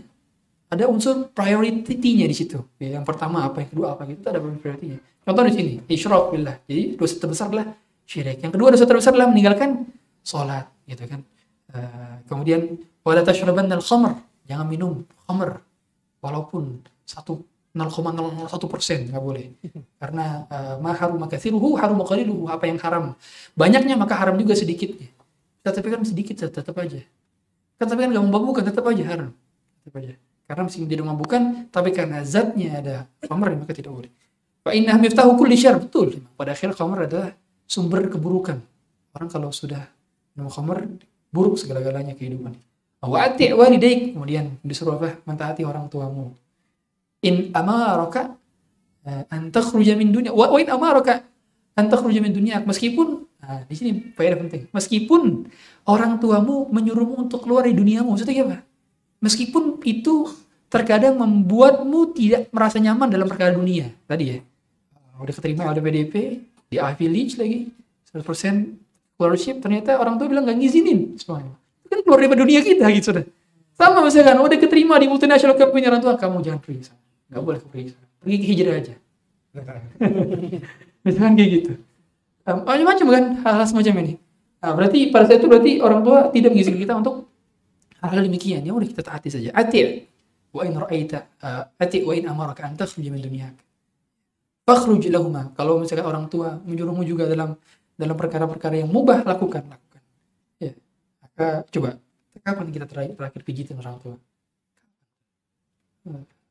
Coba pijitin coba orang tua tuh sebelum tidur atau kakinya pijitin. Ya. itu bukti bukti orang tua kita betul-betul ya ke mereka dengan demikian. Ya. atau minimal apa ngobrol itu betul-betul senyum sepanjang obrolan itu senyum. Bisa gitu kira-kira ya makanya di antara amal soleh besar adalah apa? Ilqa surur fi qalbi muslim. Meng, apa namanya membahagiakan muslim dengan dengan percakapan muhadatsah. Jadi setiap kali percakapan itu kita senyum seneng dia. Makanya cara betul saya setelah belajar public speaking juga ternyata eh, cara memulai public speaking dalam ceramah juga harus senyum-senyum dulu awalnya. Kan Rasulullah itu apa? Tidaklah Rasulullah memulai ceramahnya kecuali sering-sering beliau terus kata Jabir marani Rasulullah wasallam illa tabassam fi wajhi. Tidak Rasulullah melihatku kecuali dalam keadaan tersenyum. Karena kalau senyum itu sudah orang yang lihatnya enak apalagi dia sendiri yang merasakan. Gitu. Eh, rasakan kira demikian ya. Kemudian dosa yang apa bukan dosa. Hal yang lainnya adalah jangan keluar dari medan perang kemudian eh, juga berinfak kepada kerabat. Jadi artinya kalau kita mau sedekah sedekah cari kerabat yang paling miskin dulu sebelum orang lain cari itu sepupu keponakan yang sekiranya wah dia homeless atau jobless. Nah, kita bantu mereka dulu. Sebelum orang lain. Karena kalau kita membantu kerabat kita dapat dua pahala. Pahala apa? Pahala sedekah dan pahala apa? Silaturahmi. Itu sedekatun wasilah kata Rasulullah. Dalam hadis riwayat Nasai. Ya. Eh, wala tarfa' asaka ala ahlik. Jangan pernah memukul saudara apa eh, keluargamu. Artinya apa? Dalam mendidik itu tidak dominan harus mukul enggak enggak, enggak boleh enggak boleh pada akhirnya dengan kata-kata yang menyejukkan dan pada akhirnya kita ketika mendidik seorang itu bukan ingin merubah dia karena merubah dia Allah Ya. Kita yang mendapatkan pahala dari proses pendidikan itu kan gitu intinya. Makanya nih yang menjadi pokok nih. Dalam hal kita belajar apa pun, menasehati orang lain, itu bukan kita ingin mengubah dia. Jangan. Jangan pernah punya konsep ingin mengubah orang lain. Jangan. Karena akan jadi beban. Beban itu. Ustadz, kakak saya begini Ustadz. Gimana Ustadz? Kamu, karena kamu merasa kamu bisa mengubah orang lain. Yang bisa mengubah orang lain itu Allah. Kamu mengambil tugasnya Allah. kan gitu. Jadi apa? Nah itu jadi momen Allah ngasih kamu potensi berpahala. Gitu. Supaya apa? Supaya kamu nasihatin dia, supaya kamu ngajak dia. Itu berarti Allah sedang memberikan kamu potensi pahala. Ada potential, potential, ya kan? Gitu pada. Itu jadi mindsetnya diubah. Ya. Kalau kita ingin lihat orang lain berubah, maka jangan pernah kita posisikan kita sebagai seperti Tuhan. Gitu ya. Oke, sering kali, sering kali eh, para para tolong salaf bilang, eh, ketika aku menasihati seorang, kemudian orang tersebut tidak berubah, yang aku salahkan bukan orang tersebut yang tidak menerima nasihatku yang aku salahkan adalah diriku. Barangkali nasihat yang terucap dari lisanku tidak datang dari hati yang ikhlas. Hmm. Itu. Mereka nyalahin diri sendiri tuh. Barangkali saya nasihatin nggak ikhlas. Makanya dia nggak mau menerima nasihat saya. Tuh kayak gitu. Keren kan tuh mindsetnya. Jadi nyalahin. Wah bebel lihat nggak bisa nasihatin. nggak usah. Kayak gitu. Lanjut lagi. Eh anyway. Sampai jam berapa kayaknya? Mungkin dulu. Mau lagi. Lanjut lagi. Oke oke. Lanjut. Pertanyaan banyak. Ya Allah nih. Terutama dari faksi ibu-ibu. fraksi ya tentang tahun 2024 nih dia diksinya fraksi lanjut lagi 19 Abdullah bin Amr ia berkata telah datang seorang laki-laki kepada Nabi dan berkata wahai Rasul aku datang kepadamu berbayar untuk hijrah dan aku meninggalkan kedua orang tuaku yang menangis beliau lalu berkata kembalilah kepada kedua orang tuamu dan buatlah keduanya tertawa sebagaimana kamu telah membuatnya menangis lanjut lanjut. Itu sama kayak tadi Abdullah bin Amr, ia berkata, telah datang seorang laki-laki kepada Nabi untuk ikut jihad. Lalu Nabi bertanya, apakah ayah ibumu masih hidup? Dia menjawab, ya. Beliau lalu berkata, maka berjihadlah mengurus kedua orang tuamu itu. oke ah cukup saja itu ya Eh, di sini dipahami ya bahwa eh, ternyata pahala jihad tidak bisa menandingi pahala berbakti pada orang tua itu. Bukti dia, dia izin jihad tuh. Izin jihad eh, Rasulullah nanya ahiyun walidah orang tua masih hidup. Eh, tapi hima jahid. Rasulullah maka untuk keduanya karena kamu berjihad. Jihadnya dalam hal apa? Berbakti kepada kedua orang tua. Kita tahu semua amalan paling top dalam agama kita jihad. Karena dia mengorbankan harta dan jiwanya. Gitu. itu. Ternyata apa yang lebih mengungguli kata Rasulullah nih. Ini orang mau jihad ternyata masih punya orang tua. Suruh suruh apa suruh bakti dong orang tuanya. Ya, gitu. Ini menjadi penanda bahwa bahwa terkadang memang seorang itu punya skala prioritas dalam amalnya. Dan harus paham tuh apa yang harus diprioritaskan itu jangan sampai jangan sampai ya dalam semua bahwa nafkah itu besar loh pahalanya. Nafkah kita kepada istri kepada anak itu besar pahalanya. Jangan sampai semua orang ditraktir tapi anak sendiri di rumah lupa. Istri lupa. Boleh. Ini bukan jadi pembentaran istri untuk punya nutut kepada suami enggak tapi maksudnya adalah perhatikan nafkah-nafkah istri-istri kita. Dan juga makanya beda ya. Jadi gini ada dalam fikih nafkah fikih nafkah. Kalau anak dan orang tua itu nafkahnya sesuai dengan kebutuhan mereka. Sesuai dengan kebutuhan mereka. Tapi kalau nafkah kepada istri ini saya pernah katakan harus sesuai dengan kemampuan suami dan gaya hidup suami. Jadi nggak bisa tuh. Nggak bisa misalkan kamu kan butuhnya cuma 3 juta per bulan. Ya udah deh. Ah, jadi jadi pembenaran nih.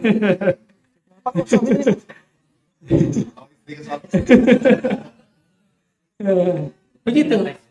Iya. Contoh begini. Contoh begini misalkan. Suami income-nya 100 juta per bulan. 100 juta per bulan. Ya, amin katanya. Nah ternyata untuk nafkah orang tua sama nafkah anak itu kan cuma kebutuhan dia doang. Oh, kebutuhan paling 5 juta misalkan per bulan atau anak uh, apa iya, orang tua kebutuhan misalkan segitu juga misalkan nah suami kan lifestyle otomatis beda kan 100 juta beda kan itu istri tuh nggak boleh disamakan seperti orang tua dan ibu dalam segi apa dari segi apakah dalam segi kebutuhan mereka doang enggak kamu kan cukup segini nggak bisa harus ngikutin lifestyle suami terus sama dengan lifestyle suami Itu tuh makanya emang pada akhirnya istri ada dimensi apa? Dimensi dimanja. Ada unsur dimanjanya di situ. Gak sama dengan orang tua dan anak. Rame, Sat. Rame, Pak. Langsung rame. Iya. Iya. Baik, eh, baik nanti insya Allah kita lanjut lagi di hadis ke-21. Sekarang kian yang mungkin ya. Q&A. Izin baca kartu juga Eh ini kan mau, mau ini, mau kian ya. Oh, oh dibacain.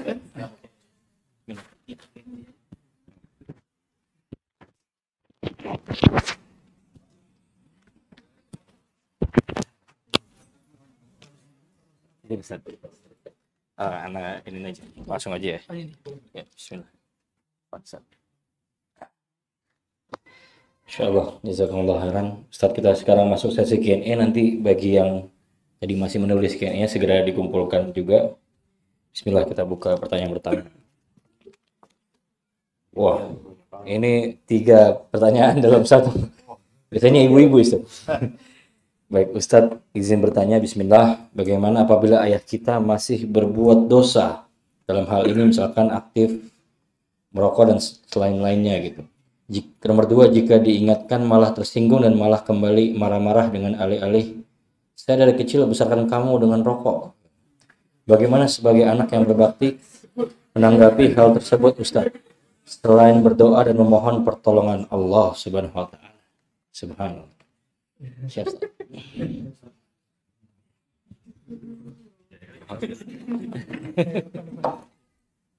Ya, eh, lagi-lagi tadi ke kaidah dalam menasihati. Hmm. Ya. Jadi kaidah dalam menasihati itu pertama, ini ada kaidah nih. Sebenarnya pengen itu sih, tapi nggak perlu lah. Tulis aja kalau ini. Dalam menasihati pertama adalah Nasihati pertama. memanggil dengan panggilan yang paling disukainya. Tuh. Memanggil dengan panggilan yang paling disukainya. Kemudian yang kedua, menggunakan muqaddimah. Menggunakan muqaddimah. Jadi dalam menasihati itu nggak langsung apa? Nggak langsung langsung maksudnya nggak kabar muqaddimahnya dulu, nanya kabar ke atau ngalor gitu dulu yang lain-lain dulu sebelum punchline-nya gitu kan. Nah, itu ada ada ada. Kemudian yang ketiga, yang ketiga adalah di tempat tersembunyi. Tempat tersembunyi. Jadi nggak boleh kita menasehati orang di tengah-tengah umum tuh nggak boleh. Masuk nasihati anak. Jangan tuh kita marahin anak apa namanya di depan umum. Itu dia bisa melukai hati dia. Apalagi mengcompare kamu nggak kayak anak tetangga. Makanya berat itu. Nah, nah, kemudian kemudian sebelum menasehati mendoakan. Sebelum menasehati mendoakan. Gitu ya. Dan setelah menasehati mendoakan. Jadi mendoakan itu tidak hanya sebelumnya doang, tapi sesudahnya juga. Ya, ya Allah, bukakanlah hatinya agar menerima nasihatku ya Allah. Ya Allah, engkau yang memiliki hatinya, bukan aku. Hatinya berada dalam genggamanmu dan hatiku berada dalam genggamanmu. Maka wahai yang maha bolak-balikan hati, bolak-balikanlah hatiku dan hati untuk ketaatan kepadamu. Nah, gitu doang. Itu doa paling powerful, makanya doa yang paling sering Rasulullah sebutkan dalam dalam sholat-sholatnya adalah doa dua doa sabu jagat ya Rabbana atina fid dunya hasanah itu. Kemudian yang kedua adalah sebagaimana kata Abu Salamah adalah ya muqallibal qulub tsabbit qalbi ala dinik Itu pa- paling banyak Rasulullah sebutkan dalam doa-doanya. Paling banyak. Karena memang hati-hati kita kan berada dalam hati jemari-jemari Ar-Rahman. Nah, begitu pula dalam mendoakan orang lain. Ya Allah karena engkau yang maha pembolak-balik hati. Engkau yang mampu membolak-balikan hatinya. Bukan aku. Aku hanya menyampaikan dengan lisanku. Aku hanya menyampaikan keluh kesahku padamu tapi engkaulah yang menggenggam hatinya maka bukakan dia hidayah betapa banyak justru justru terkadang nasihat-nasihat yang diterima itu bukan pada perkara-perkara yang besar kita nasihatin macam-macam ah terkadang pada hal kecil sederhana dan biasanya biasanya nasihat itu mudah diterima kalau kita ngerasa apa kita sudah memberikan hadiah kita sudah powerful dalam dalam men-serve dan dan dan provide segala hal kepada kepada orang yang kita nasihati baru dia akan menerima apa pun yang kita nasihati. Biasanya demikian. Makanya mengapa seorang makanya dalam dalam ilmu parenting yang lain ya itu gimana caranya agar anak taat kepada kita dulu pernah eh, pernah ada seorang berkata katanya dengan cara kamu bisa dikagumi dan bisa diteladani. Jadi kalau kita bisa dikagumi baru itu bisa. Nah makanya dalam hal ini dalam hal ini sering-sering kasih hadiah seperti Sofwan bin Umayyah. Dulu Sofwan bin Umayyah itu marah besar benci sangat benci harus tidaklah ada wajah yang paling Sofwan bin Umayyah benci kecuali wajahnya Rasulullah SAW. Bagaimana tidak? Iya. Eh, pada saat itu ya, pada saat itu Umayyah bin Khalaf meninggal di perang Badar. Kemudian keluarga-keluarganya meninggal. Sangat benci dan memang dia sudah didoktrin dari dulu untuk membenci Rasulullah SAW. Ketika ketika pada saat itu Rasulullah sudah Fatuh Mekah, ya, eh, dan dia dan dia dikasih tanggungan, boleh deh kamu gak usah masuk Islam dulu. Saya kasih kelonggaran berapa bulan. Dikasih kelonggaran, Rasulullah baik banget, baik banget. Jadi emang Rasulullah sangat maaf, sangat maaf sekali. Jadi kalau kita adalah hamba-hamba yang tidak pemaaf, sebetulnya kita ini umat siapa? Gitu. Karena Rasul kita ini pemaaf banget gitu kan sebenarnya. Pemaaf banget. Nah, pada saat itu Rasulullah apa? Artinya akhirnya ngasih dia setiap kali dapat perang, perang dapat ghanimah, Rasulullah ngasih dia 100 onta. Dapat perang lagi 100 onta lagi. Bayangin 100 onta. Satu onta. Satu onta aja berarti berapa? berapa? Itu berarti miliaran rupiah itu dia dikasih sama Rasulullah. Cuma-cuma sampai minumnya doang. Demi melunakkan hatinya. Ya. Nah, makanya kalau coba deh orang yang orang yang benci antum antum kasih mobil, kira-kira gimana? kira-kira gimana deh? Gak bakal benci lagi tuh. Insya Allah gak bakal benci lagi tuh. Ya. Nah, begitu pula pada akhirnya uh, terkadang nasihat itu nggak masuk karena kita nggak pakai mukodima, nggak pakai mukodima. Coba hal-hal yang yang hal basic yang sederhana ya kayak act service yang kita lakukan. Ngapain misalkan ngambil minum teh. Itu rutinnya seminggu dulu. Jangan tiba-tiba ngambil minum teh sekali langsung nasihatin. Ketahuan itu. Ketahuan itu. Ada ada ada maunya pasti nih. Ada maunya pasti. Coba seminggu dulu, dua minggu dulu. Buat jadi habit, jadi habit. Oh, siap. Nah, buat jadi habit dulu, ya kan? Wih, kelihatan nih baru. Anakku memang sangat perhatian kepada aku. Nah, kemudian kita sampaikan, Pak, ini nih, apa namanya, ini urus kesehatan Papa. Coba apa ganti dengan macam-macam ini. Hari pertama kayak gitu. Ntar jeda dulu. Jeda. Jadi yang pada akhirnya emang manusia itu, manusia itu eh, biasanya emang pada akhirnya em, senang dinasihati, mem- memiliki sifat senang dinasihati. Gitu. Hmm. Kalau kita tidak senang dinasihati, maka ada yang salah dalam fitrah kita Hmm. ada yang salah dalam fitrah kita. Makanya tidaklah setiap orang yang menasehati kecuali dia butuh juga kepada nasihat. Semua butuh nasihat. Saya pun butuh nasihat sebagai yang memberikan nasihat ini butuh nasihat juga. Ya, makanya saya kalau datang ke guru-guru saya, saya bilang saya minta doa doang. Ustadz minta doanya, Ustadz minta nasihatnya. Dua tuh saya kalau datang semua guru-guru, Ustadz Masyayikh, ya, Hmm. minta doa, minta nasihat itu aja. Itu aja. Karena setiap kita butuh nasihat. Dari ketemu orang apa pun, hatta dengan murid kita minta nasihat. Itu. Nah, hanya kalau kita ketemu orang tua nggak nasihatin. Dengan begitu kita terkontrol. Karena pada akhirnya iman itu butuh stabilizer. Iman itu butuh pengontrolnya. Maka dengan cara kita menerima nasihat tersebut. Nah, kemudian yang tadi yang jadi poin penting adalah eh, serahkan pada Allah saja. Jadi jangan dibebani diri sendiri pada hal-hal yang memang Allah kuasai. Allah maha kuasa, sedangkan kita maha lemah dan kita tidak berdaya kecuali dengan kekuatannya gitu. Allah. Ya. Ini Oke. Ana langsung tiga pertanyaan, tiga pertanyaan ya, insya Allah. Yang pertama, eh, bagaimana hukumnya apabila kita memegang uang orang tua? Karena kita tahu orang tua atau ibu kita suka sekali membeli dagangan orang lain atas rasa kasihan. Lalu barang-barang tersebut menumpuk di rumah dan ibu suka mengeluh uangnya habis atau kekurangan uang. Suka sekali belanja tapi bukan untuk eh, keluarga inti lah gitu. Uangnya akan habis dan sebagainya. Nah, ini yang pertama Ustaz ya. Kemudian yang ke- kedua, eh, Assalamualaikum warahmatullahi wabarakatuh. Ustaz seperti yang dicontohkan apabila orang tua menghendaki sesuatu seharusnya kita turuti.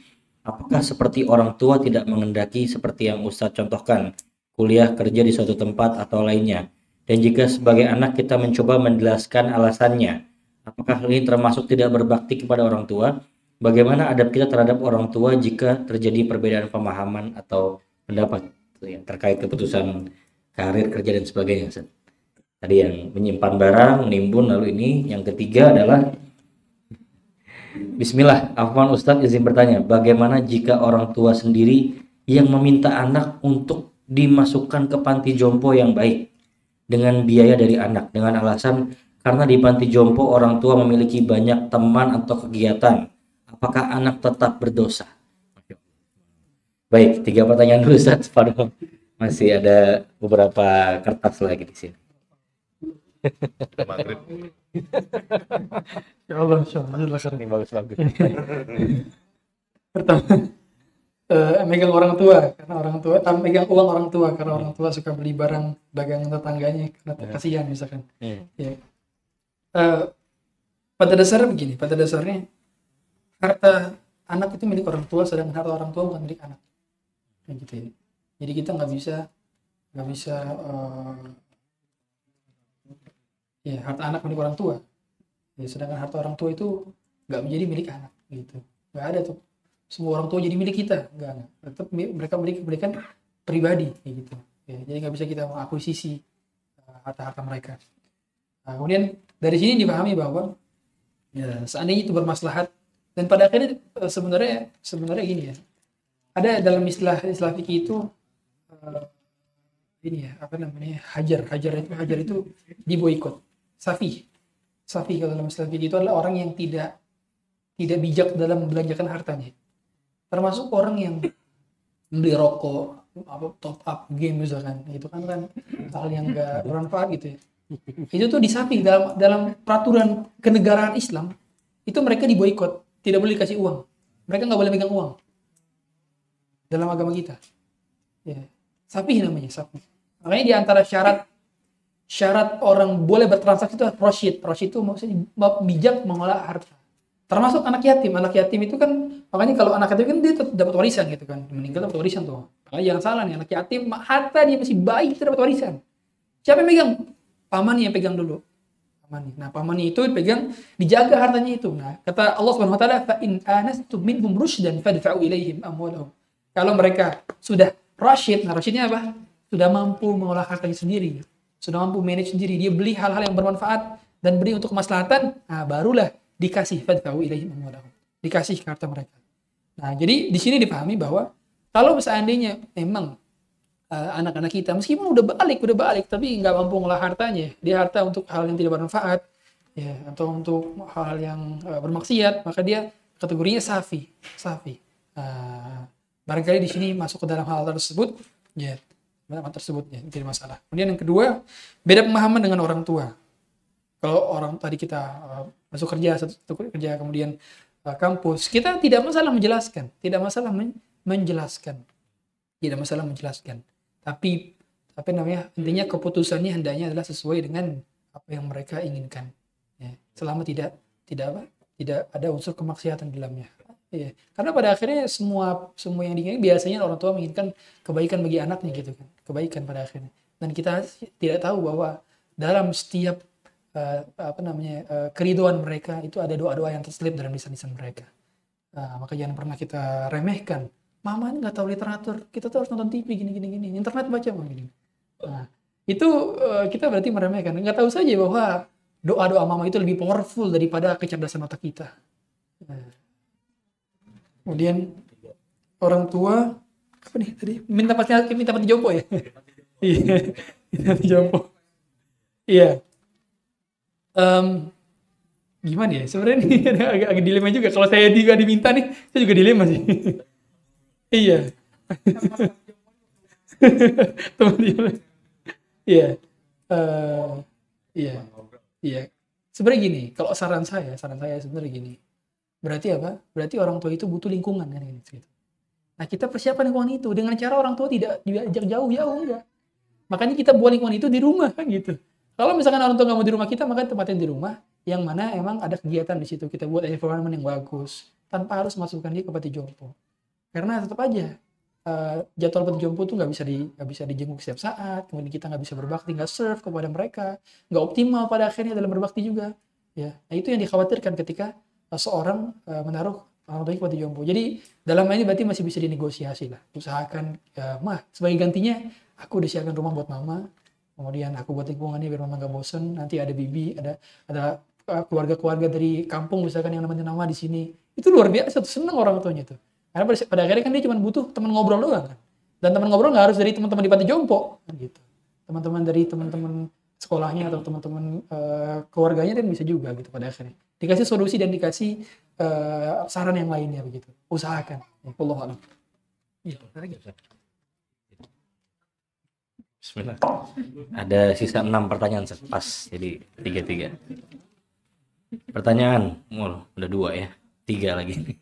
Bismillah Ustadz, bagaimana jika ayah atau orang tua kita masih melihat segala sesuatu dengan sudut pandang dunia saja? Lalu bagaimana menyikapi teman orang tua yang masih mengajak orang tua atau ayah kita untuk melakukan sesuatu yang bukan di jalan Allah? Lalu yang ketiga ada lagi satu orang tiga pertanyaan ini. Bagaimana menghadapi orang tua yang masih membanding-bandingkan anak satu dengan anak yang lain? Nah, ini satu pertanyaan ada tiga. Eh, eh, eh, coba kalau gitu yang kedua dulu. Eh, Bismillah. Assalamualaikum, semoga Allah nantiasa melindungi Ustaz sekeluarga dengan keberkahan. Mohon izin bertanya, jika mendapat nikmat memiliki seorang ibu yang zalim, berlaku zalim kepada anak, orang tua, dan orang sekitarnya, nasihat terbaik apa untuk anak yang teraniaya, mengingat kezaliman yang dilakukan terus-menerus? Jazakallah khairan, Ustaz. Cukup itu dulu, Ustaz. Ada lima pertanyaan tadi itu. Minta. Ya. Oh iya, bismillah.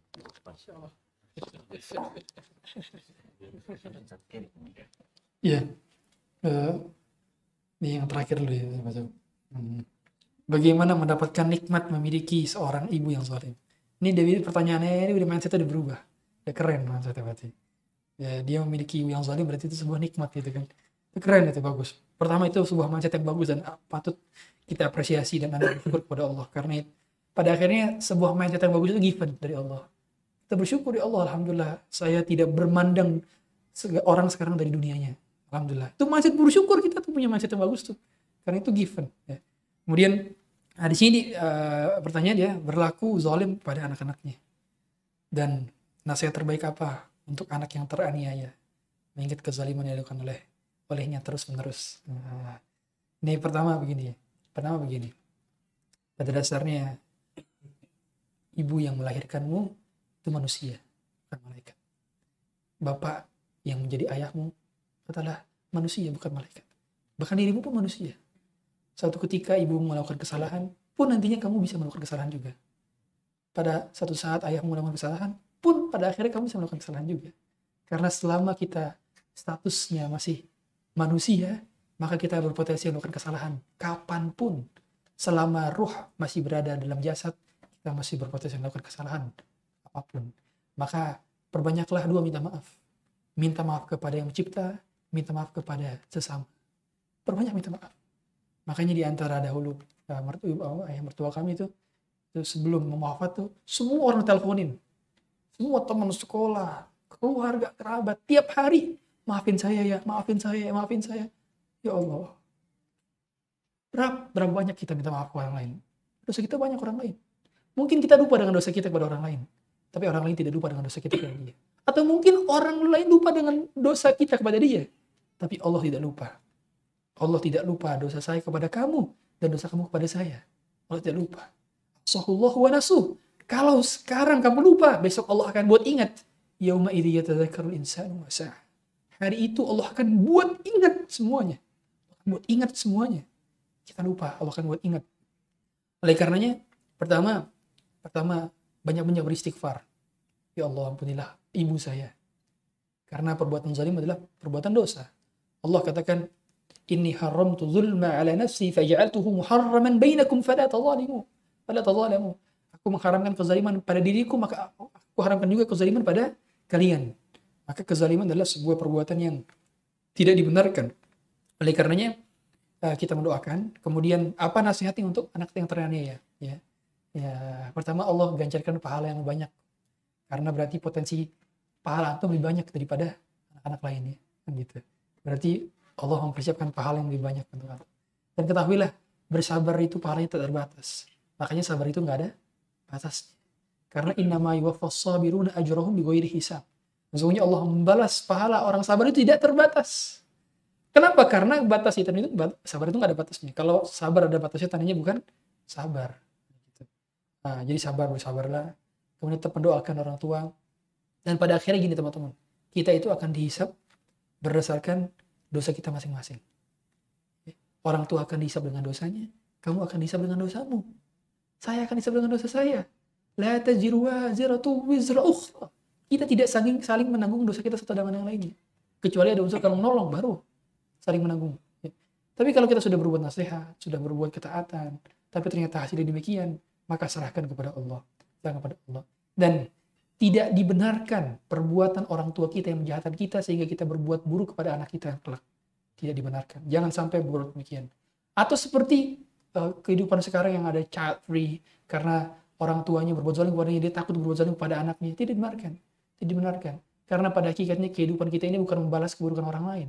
Habis hidup kita. Umur kita habis kalau untuk membalas caci maki orang lain dan perbuatan zalim orang lain. Cukuplah Allah yang membalasnya. Makanya mengapa? Dahulu ya ini, ini kalau mindset mindset orang beriman itu tenang makanya. Kita tuh punya, punya ilmu tenang sebenarnya. Ilmu di atas basirah pada akhirnya. Ya. Contoh misalkan ada orang ngibah kita fitnah kita kita ber, kita ucap apa Alhamdulillah, Maha Suci Allah yang telah mendatangkan pahala kepadaku tanpa aku harus berusaha payah mendapatkannya. Enak banget gitu kalau, kalau pikir. Ya, Alhamdulillah, transfer pahala lagi tanpa saya berusaha. Enak tuh pola pikir itu. Kalau orang udah punya ilmu, tenang hatinya, tenang. Iya, tenang. Iya. Contoh lagi misalkan, kalau misalkan dia uh, lagi naik mobil tiba-tiba ada orang nyerobot net kena spion dia. Sama istri kita ditanya, kalau kamu nggak marah-marah, ngapain anak itu orang itu dimarahin? Orang kebelet BAB dimarahin. Husnuzon itu. Emang dia tahu bukan di kebelet berak? Nggak tahu kan? Tapi Husnuzon Husnuzon ngapain dimarahin? Ya pada akhirnya gitu. Orang kalau Husnuzon tenang. Tenang pada akhirnya gitu nah termasuk dalam menyikapi permasalahan keluarga maka sikapilah dengan takwa. Jalani takwa fungsinya takwa dan kita tidak akan dihisap kecuali dengan dosa-dosa kita masing-masing Kemudian Bismillah Ustaz, bagaimana jika ayah dan orang tua kita masih melihat segala sesuatu dengan dunia? Ya, uh, ini masih mending. Ya. Siapa yang lebih parah daripada Ibrahim? Bapaknya ya, buat patung gitu kan. Buat patung, bapaknya buat patung. Bapaknya itu kalau bahasa kita menteri infrastruktur. Menteri infrastruktur. Karena infrastruktur zaman dulu adalah patung, kan gitu. Aset negara adalah patung. Ibarat kata menteri pembangunan lah, ya kan? Menteri pembangunannya raja pada saat itu. Imperium paling besar zaman itu, bapaknya jadi satu-satu menterinya. Buat patung. Ini sumber wasilah keburukan. Ternyata Nabi Ibrahim masih bersabar untuk menasihatinya. Dan panggilan Nabi Ibrahim apa? Ya abadi. Abadi wahai ayahku yang ku cintai dan ku sayangi. Waduh. Adem banget kalau dinasihatin kayak gitu kan. Ya abadi di mata a'budu ma la yasma'u la yubsir wa la syai'a ya abadi ini qad ja'ani min ilmi dan seterusnya. Itu dalam surat Maryam tuh jelaskan tuh depan ya abati ya abati ya abati. Lembut banget ya Nabi Ibrahim. Nah, makanya juga nah, dari sini dipahami ya bahwa cara menyikapi orang tua yang masih masih merokok, yang masih melihat hal-hal tentang dunia gitu ya atau, masih berproses tentang dunia, kita mulai ajak ajak orang tua kita ngaji misalkan atau buat pengajian di rumah deh, coba deh. Ya, buat pengajian di rumah. Ustadznya nggak harus saya, saya ustadz lain misalkan. Nah, undang misalkan kemudian uh, dia, dia, nih diajak tuh diajak kajian dia diajak kajian. Misalkan gini uh, kita kalau anda pernah dengar deh orang-orang yang pernah ngajak orang tua ke kajian awalnya ngajak makan makan bareng. Tidak sholat azhar eh pak ada kajian duduk dulu bentar. Hari kajian. Hari kajian. Hari kajian gitu. Padahal dibilangnya mampir satu dulu bentar pak. Ya. hari kajian. Pak ada kajian kebetulan gimana kayaknya. Nah, gitu. Itu bisa tuh di, dicari solusinya dengan cara sebenarnya duduk sebentar duduk sebentar. Nah, ntar udah begitu apa namanya udah begitu beres kajian salaman sama ustadznya. Nah ntar dia punya kesan tuh baik tuh. Kesan baik. Nah, usahakan apa namanya eh, kita pilih apa namanya tema-tema atau kajian-kajian yang sekiranya menembutkan hati dia dulu gitu kan. Tapi dia tuh kira-kira tuh uh, tema-tema pembahasan yang gitu. Oh ikut mas Mat ikut. Ntar ketagihan tuh.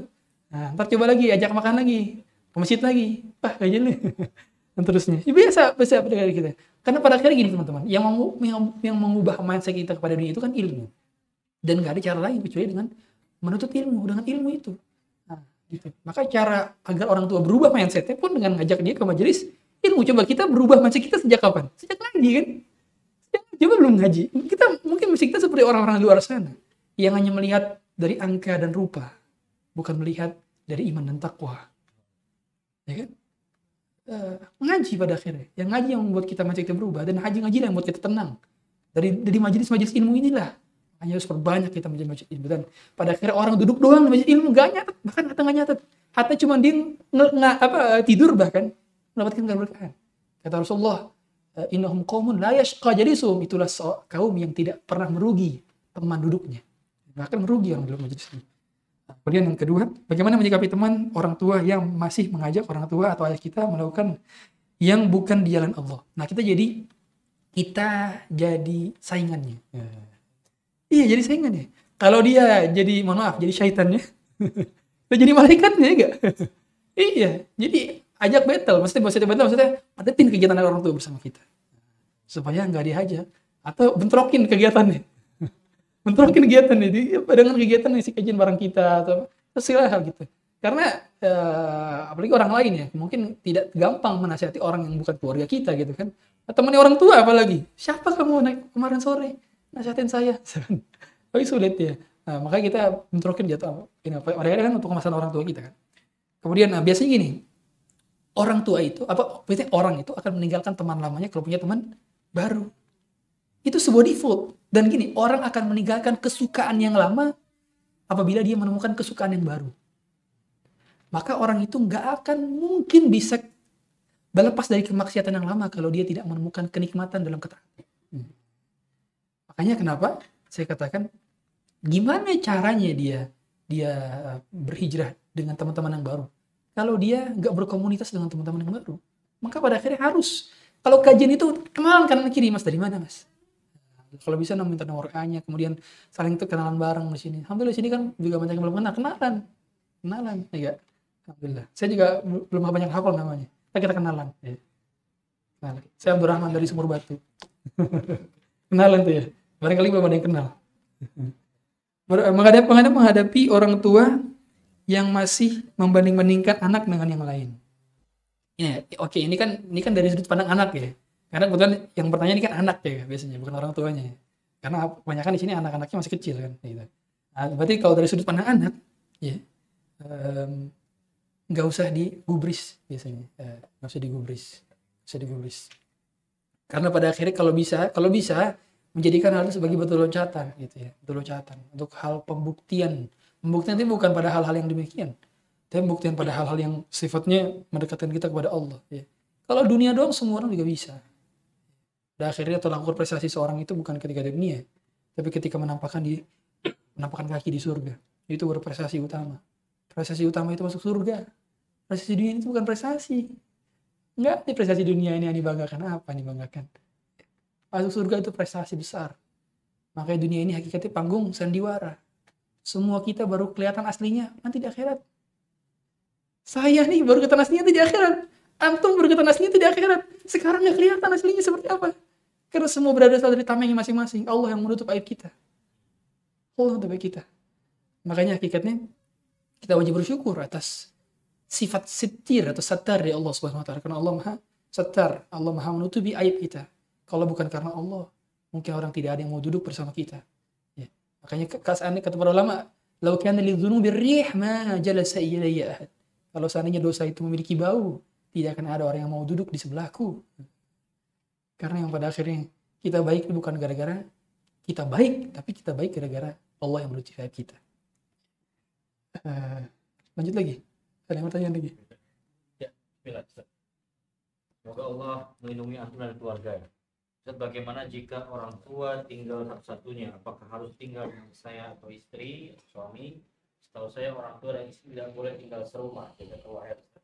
Dan uh, lagi tuh satu lagi. Hmm. Nah, ini simpel, insya Allah. Ustaz, jadi mana yang lebih baik sholat qobliyah dulu di rumah atau di masjid? Azan masih di rumah atau sudah di masjid? Nah, ini dua pertanyaan. Bagus pertanyaannya. Itu lagi Pak. Sekalian. Oh, yang lain. Tapi barangkali. Ya. Hmm. Assalamualaikum Ustaz, saya mau bertanya apabila ada seorang ayah yang tidak menafkahi anaknya karena perceraian dari kecil sampai dewasa, lalu ia terkena penyakit yang membuat ia tidak bisa bekerja. Apakah anak yang tidak ia rawat dari lahir dari kecil ini tetap berkewajiban untuk merawat ayahnya, walaupun ayahnya sama sekali tidak merawat atau membiayai anak? Boleh terus ini? Eh, Setelah iya, Oke, baik. lahir satu Oh iya, betul. Apa itu? Iya. Itu aja Pak. Ah, ini dulu aja, oke. Eh, baik, tadi afdol mana kita sholat di rumah, sholat sunnahnya, atau kita sholat di masjid nunggu azan gitu kan? Ah, ini ada ada ada dua hal yang memang pada akhirnya tidak bertentangan karena kita beramal sesuai dengan kemaksimalan kita, ya, kemaksimalan kita. Nah kita tahu semua bahwa kata Rasulullah SAW, afdalu salatil mar'i fi baitihi ilal maktubah. Sebaik-baik sholat itu di rumah kecuali sholat wajib. Jadi pada dasarnya defaultnya, hukum asalnya, orang sholat sunnah itu di rumah. Orang sholat sunnah di rumah. Nah, cuman ada hal-hal yang memang yang mengharuskan ya apa yang yang mengharuskan eh, apa namanya kita kita sholat di, di masjid itu sholat, sholat wajib gitu ya. Cuman tidak masalah juga pada akhirnya kalau misalkan kita sudah berada di masjid sebelum azan tiba tidak masalah di sana ya tidak masalah. Tapi keutamaannya ini bertingkat-tingkat ya dan dan kalau kalau saya pribadi saya pribadi eh, cenderung kepada eh, apa namanya pendapat yang mengatakan bahwa ti- tidak masalah kita sholat di masjid, sholat sunnahnya dengan mendapatkan keutamaan di sana bisa mendapatkan itikaf sementara. Ya. Karena pada akhirnya kan gini, itikaf itu bukan bukan kita harus sehari enggak. Syarat itikaf itu apa? Dua doang. Tidak dalam hadas besar. Yang kedua adalah berdiam diri sejenak lebih daripada kadar tumak nina. Itu syarat itikaf. Rukun itikaf itu dua doang. Artinya kita masuk masjid itu tuh udah niat itikaf sah itu dapat pahala argo itu jalan. Nah, para ulama yang berusaha untuk keberi ke masjid sebelum azan itu mendapatkan pahala itikaf terlebih dahulu. Argonya jalan dulu, ibaratnya di onin dulu nih. Dapat jalan argonya. Baru mereka bisa mengisi dengan membaca Quran atau membaca tafsir kata debur seterusnya kegiatan ketaatan lain sambil menunggu azan. Syukur-syukur dia yang jadi muazin nih. Nah, kalau bisa tuh kita punya proyeksi amalan akhirat. Ya. Makanya harus punya amalan akhirat. Apa amalan akhirat kita setiap hari yang nggak pernah putus sampai meninggal dunia? Punya itu masing-masing. Ya, ah, para ulama ada yang punya sebelum tidur memaafkan orang yang pernah menzalimi di hari itu. Ada para ulama yang punya apa setiap hari menyedekahkan sebelum sebelum tidur dia bawa apa? Bawa beras, apa bukan bawa beras, bawa gandum, kemudian dikasih dikasih kepada uh, orang-orang fakir miskin di kotanya. Kenapa sebelum tidur? Karena itu orang nggak ada yang ngelihat. Ya. Ada orang-orang seperti itu. Ya. Di antaranya ada Zainal Abidin tuh ya, Zainal Abidin. Ali Ali bin Zainal Abidin. Nah itu eh, seorang tabiin ya ketika ketika meninggal dunia kelihatan ininya hitam pada hitam. Pas ditanya sama, sama pembantunya ternyata dahulu sebelum tidur setiap tengah malam ya, itu ngapain? Manggul gandum dikasih ke satu-satu. Jadi kenapa dia yang manggul? Kenapa nggak nyuruh? Supaya dia merasakan beban daripada pahala yang eh, Allah siapkan kepadanya pada akhirnya Nah, seperti itu. Punya tuh harus punya amalan soleh. Ya. Eh, kemudian pertanyaan berikutnya, bagaimana kalau anak tunggal, ya satu-satunya yang harus tinggal dengan eh, istrinya Nah, gini. Jadi sebenarnya orang tua tidak masalah tidak tinggal bersama kita, ya. Karena emang, emang pada dasarnya kan juga juga sebaiknya ini ya eh, rumah tangga itu tidak bercampur gitu. Cuman di- ditempatkan di rumah gitu dengan syarat kita memang sering-sering mengunjungi rumah tersebut. Kita mengcover ya mampir. Sekedar 5 menit 10 menit atau sejam dua jam nggak nggak lama pada akhirnya. 10, 15 menit 30 menit setelah menanyakan kabar menyiapkan ya. oh harus, harus, punya tuh kalau udah udah dipisah sama untuk hidupnya. Ya eh, cium tangan kemudian cium cium ke- kepalanya ya. Di antara bentuk adab kalau di Saudi kan nyium, nyium orang alim itu dengan nyium kepalanya. Nyium kepalanya dicium kepalanya itu gotohnya dicium. Nah itu terbiasakan demikian. Kemudian apabila ada seorang ayah yang tidak menafkahi anaknya karena perceraian dari kecil ke dewasa, lalu ia terkena penyakit yang membuat ia tidak bisa bekerja, apakah anak yang tidak ia rawat tetap eh, berkewajiban untuk merawat ayahnya, walaupun ayahnya sama sekali tidak merawat biaya anaknya. Apakah anak yang tidak ia rawat tetap berkewajiban untuk merawat anaknya, ayahnya? Ya, jadi gini, seorang ayah dia itu nggak ada namanya antar anak tuh nggak ada. Makanya nantinya kalau eh, orang tua berpisah maka dia tetap memiliki kewajiban untuk menafkahi anaknya. Salah ini kalau itu kan bukan anak saya lagi. Itu salah dosa besar nih kalau nggak menafkahi. Iya istri bukan jadi istri anda lagi ketika anda cerai. Tapi anak tetap memiliki kewajiban nafkah.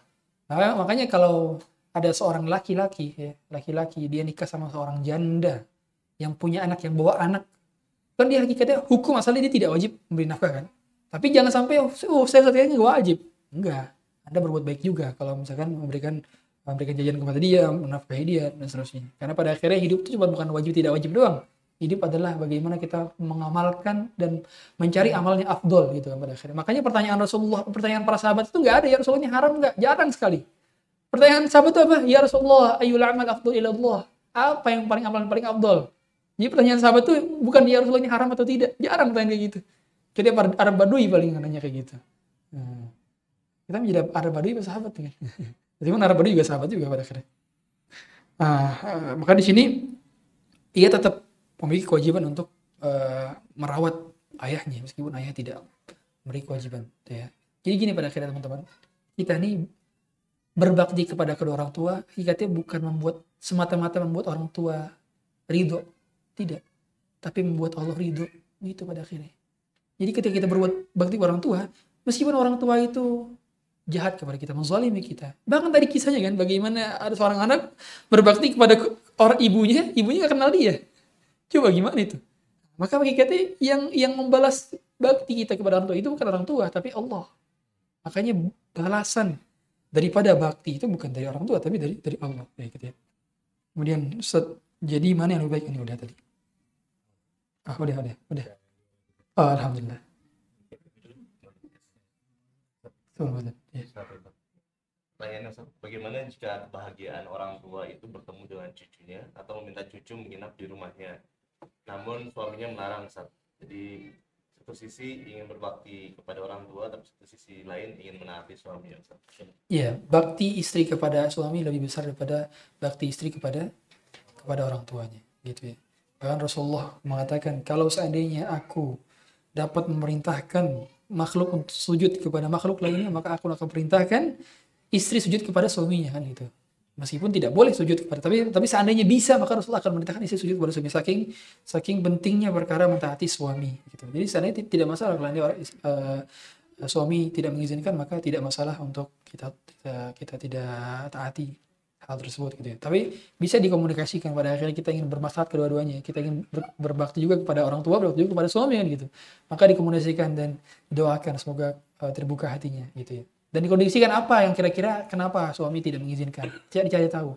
Cari tahu biasanya apa penyebabnya. Oh, biasanya kalau anak-anak di sini eh, dia main sama anak-anak di luar rumah sehingga kata-katanya kotor misalkan. Ada yang kayak gitu. Oh kalau di sini dia nginep di rumah mertua misalkan takut ngerepotin orang tua. Tapi akhirnya orang tua itu eh, kalau misalkan sekali dua hari nggak ngerasa terepotin lah.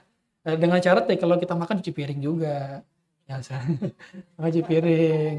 Kalau nyuci baju juga nyuci baju sendiri atau laundry lah. Bantuin tapi kan maka akhirnya juga harus ada service masing-masing lah. Jangan jangan membebani gitu ya. Allah.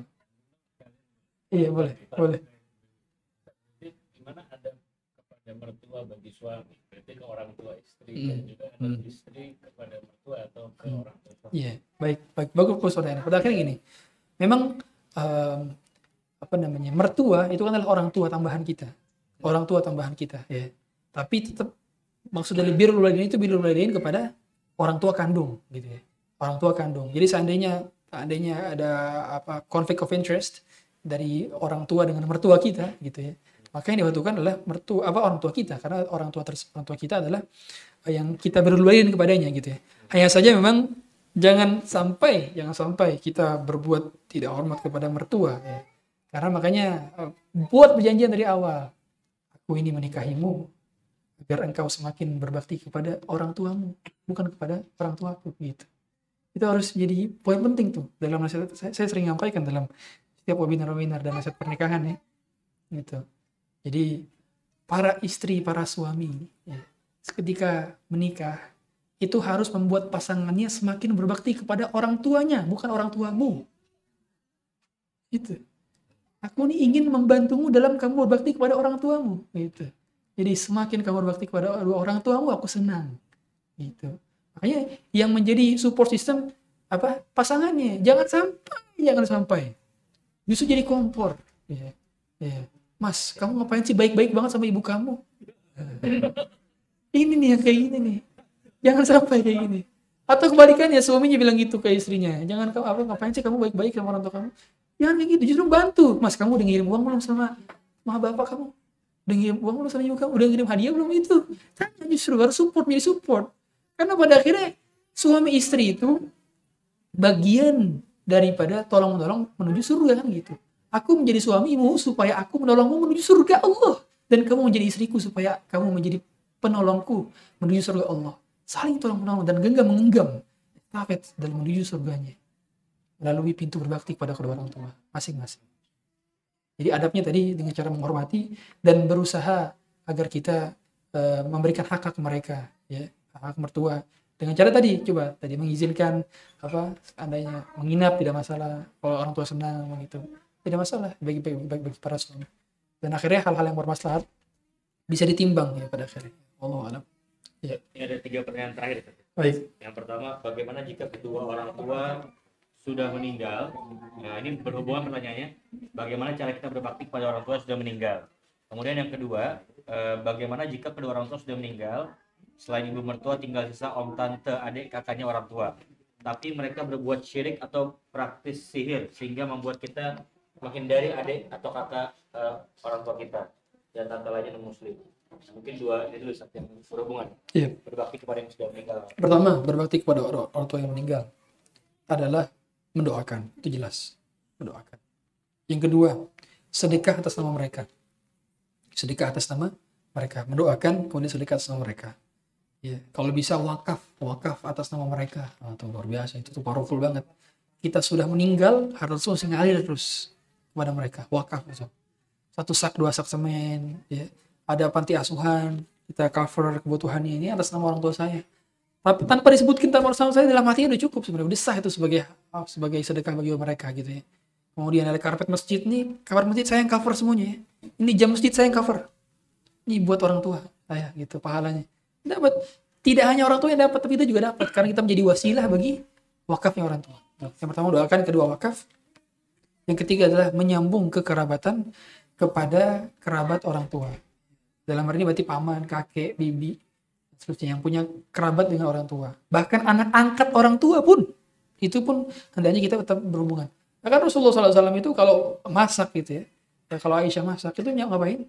Nyari temennya Khadijah. Temennya Khadijah itu. Mana, temannya Khadijah? Ada nenek tua dikasih. Ditanya itu siapa temannya Khadijah? Berarti apa? Ada unsur bahwa hakikatnya eh, menyambung ke keluargaan dan kerabatan kepada orang yang sudah meninggal dunia. Ya. Nah, itu juga berpahala. Nah, bagaimana kalau misalkan ternyata kerabat tersebut orang berbuat syirik gitu kan. Nah, hadiah kita kepada mereka adalah mendakwahkan hakikatnya. Hadiah terbesar kerabat kepada kerabat lainnya adalah dengan dakwah, mendakwahkan. Maka dakwahkan terlebih dahulu, ya, ajak mereka untuk meninggalkan kesyirikan tersebut. Ya. Kemudian eh, apa namanya? Ya, kita sambung kekerabatan itu dalam artian menanyakan kabar, kemudian eh, apa namanya memberikan hadiah dan seterusnya tidak masalah kalau dalam hal perkara hal yang semacam ini ya. meskipun orang yang yang berbuat kesyirikan menjadi paranormal dukun itu sudah kafir sudah kafir itu sehingga dia ketika meninggal tidak boleh disolatkan tidak boleh didoakan kalau meninggal dalam keadaan menjadi paranormal jadi mama-mama lainnya ya. mama apa dan seterusnya iya Nah itu nggak boleh, apalagi kalau punya YouTube. Jadi nggak boleh kita jadi subscriber nih. Nggak boleh. Sekarang itu dukun ada- youtubernya loh, jadi youtuber loh. Ada subscribernya lagi. Oh, oh, Allah. Iya ada, ada loh. Hati-hati makanya nih anak-anak kita jangan sampai. Nah. Iya. ya, apalagi, ya, apalagi eksis ya. Alhamdulillah jangan sampai di. iya. Ah, cukup itu. Pertanyaan terakhir Ustaz. Eh, Bikin. Afwan. Ini tadi ada titipan terutama bagi kepala keluarga imam laki-laki bagaimana menjadi penghubung atau komunikator yang baik sama sih sebenarnya dengan orang tua atau mertua dan eh, istri atau suami gitu Ustaz. Karena ada hal yang bisa diceritakan ada yang tidak. Nah, itu sejauh mana sih merahasiakan misalkan aib orang tua, aib istri atau suaminya. Kadang-kadang kan ada yang boleh dan tidak diceritakan gitu Ustaz. Nah, itu batas-batasnya itu Ustaz. Kira-kira seperti itu. Bismillah. Terakhir Ustaz. Bagus pertanyaan, bagus nih. Iya. Tidak setiap hal itu diceritakan. Pertama, tidak setiap hal diceritakan. Ya. Pada hal-hal yang memang ada kemaslahatannya saja bagi yang mendengarkan baru ceritakan. Kalau nggak ada kemaslahatan bagi mendengarkan, justru yang ada hanya mudarat, maka pada akhirnya tidak perlu diceritakan. Karena pada akhirnya gini, menyampaikan kabar kepada orang lain itu tergantung maslahat dan mudarat. Jadi timbang-timbang. Jangan kan gitu, antum curhat sama ustadz aja harus timbang-timbang juga tuh. Ya. Timbang-timbang apa yang perlu disampaikan, apa yang tidak perlu disampaikan. Karena terkadang ada too much information, jadi oversharing. hal-hal yang gak penting di sharing jadi di sharing gitu kan nah ini paling penting bagi kita untuk stay private untuk hal-hal yang hal demikian gitu ya nah kemudian untuk menjaga batasan-batasan ini juga nah tadi yang penting ya. Jadi untuk menjadi untuk menjadi apa namanya suami yang membanggakan istri yang membanggakan mertua yang membanggakan. Nah ketika antum kepada orang tua kabarkan kebaikan kebaikan apa namanya kebaikan istri gitu ya. Jangan jadi kompor "Oh, si saya begini gini enggak. Keba- kebalikan juga istri bilang ke orang tuanya kabarkan kebaikan suami. Meskipun ada kurangnya suaminya meskipun ada ada kan begitu kan. Eh, makanya kenapa anak-anak kita tidak bangga kepada kita? Karena karena orang tuanya tidak membanggakan pasangannya. Itu itu kan pada akhirnya. Coba eh, anak-anak yang yang siapa di sini? Kalau ditanya misalkan ya kamu kalau udah besar menjadi siapa? Kalau ada yang menjawab saya menjadi seperti bapak. Wah itu keren tuh gimana caranya biar biar muncul kalimat tersebut? Gimana? Ibunya setiap hari bilang semoga kamu seperti bapak bapak itu mengagumkan nak bapak itu baik sekali nak kayak gini gini, gini. itu di, di apa dibijikan baik-baik sama ibunya begitu pula bapaknya bilang kebaikan-kebaikan ibunya kepadanya. Jadi anak itu merasa bangga ketika punya bapak dan ibu demikian. Nah, jadi dalam hal-hal yang memang apa namanya dalam hal yang tidak tidak perlu ceritakan tidak perlu diceritakan dan timbangannya adalah maslahat dan mudarat. Baik, eh, jazakallah khair Ustaz Abdurrahman Zarif Allah. Semoga ilmu yang beliau sampaikan senantiasa kita catat dan juga amalkan selepas kajian dapat menambah keimanan dan juga ilmu kita. Sambil eh, sebelum menutup, insya Allah kita akan ada kajian lagi teman-teman. Dua, sebulan dua kali untuk tauhid akidah eh, kitab eh, tauhid al mulakhos itu di tanggal 1 Oktober. Mohon dicatat. Lalu kita ada bulu mufrad berikutnya bersama Ustaz Abdurrahman Zahir pada tanggal 15 Oktober. Jadi tanggal 1 dan 15 Oktober tempatnya untuk 15 Oktober insya Allah masih tetap di rumah Obi ya. Untuk tanggal 1 Oktober eh, menyusul tapi kemungkinan di Masjid Al Ibadah atau atau oh kantor? Di oh di kantor Little Giants ya Nusarara ya. Insya Allah siap. Baik eh, jazakumullah khairan wa barakallahu fikum. Yang laki-laki bisa bergegas untuk sholat asar di masjid yang perempuan bisa sholat di sini. Kita tutup sama-sama dengan doa kafaratul majlis. Subhanakallahumma wa bihamdika asyhadu an la ilaha illa anta astaghfiruka wa atubu ilaik. Wassalamualaikum warahmatullahi wabarakatuh. Oh iya di belakang ada jus ya. Silahkan diminum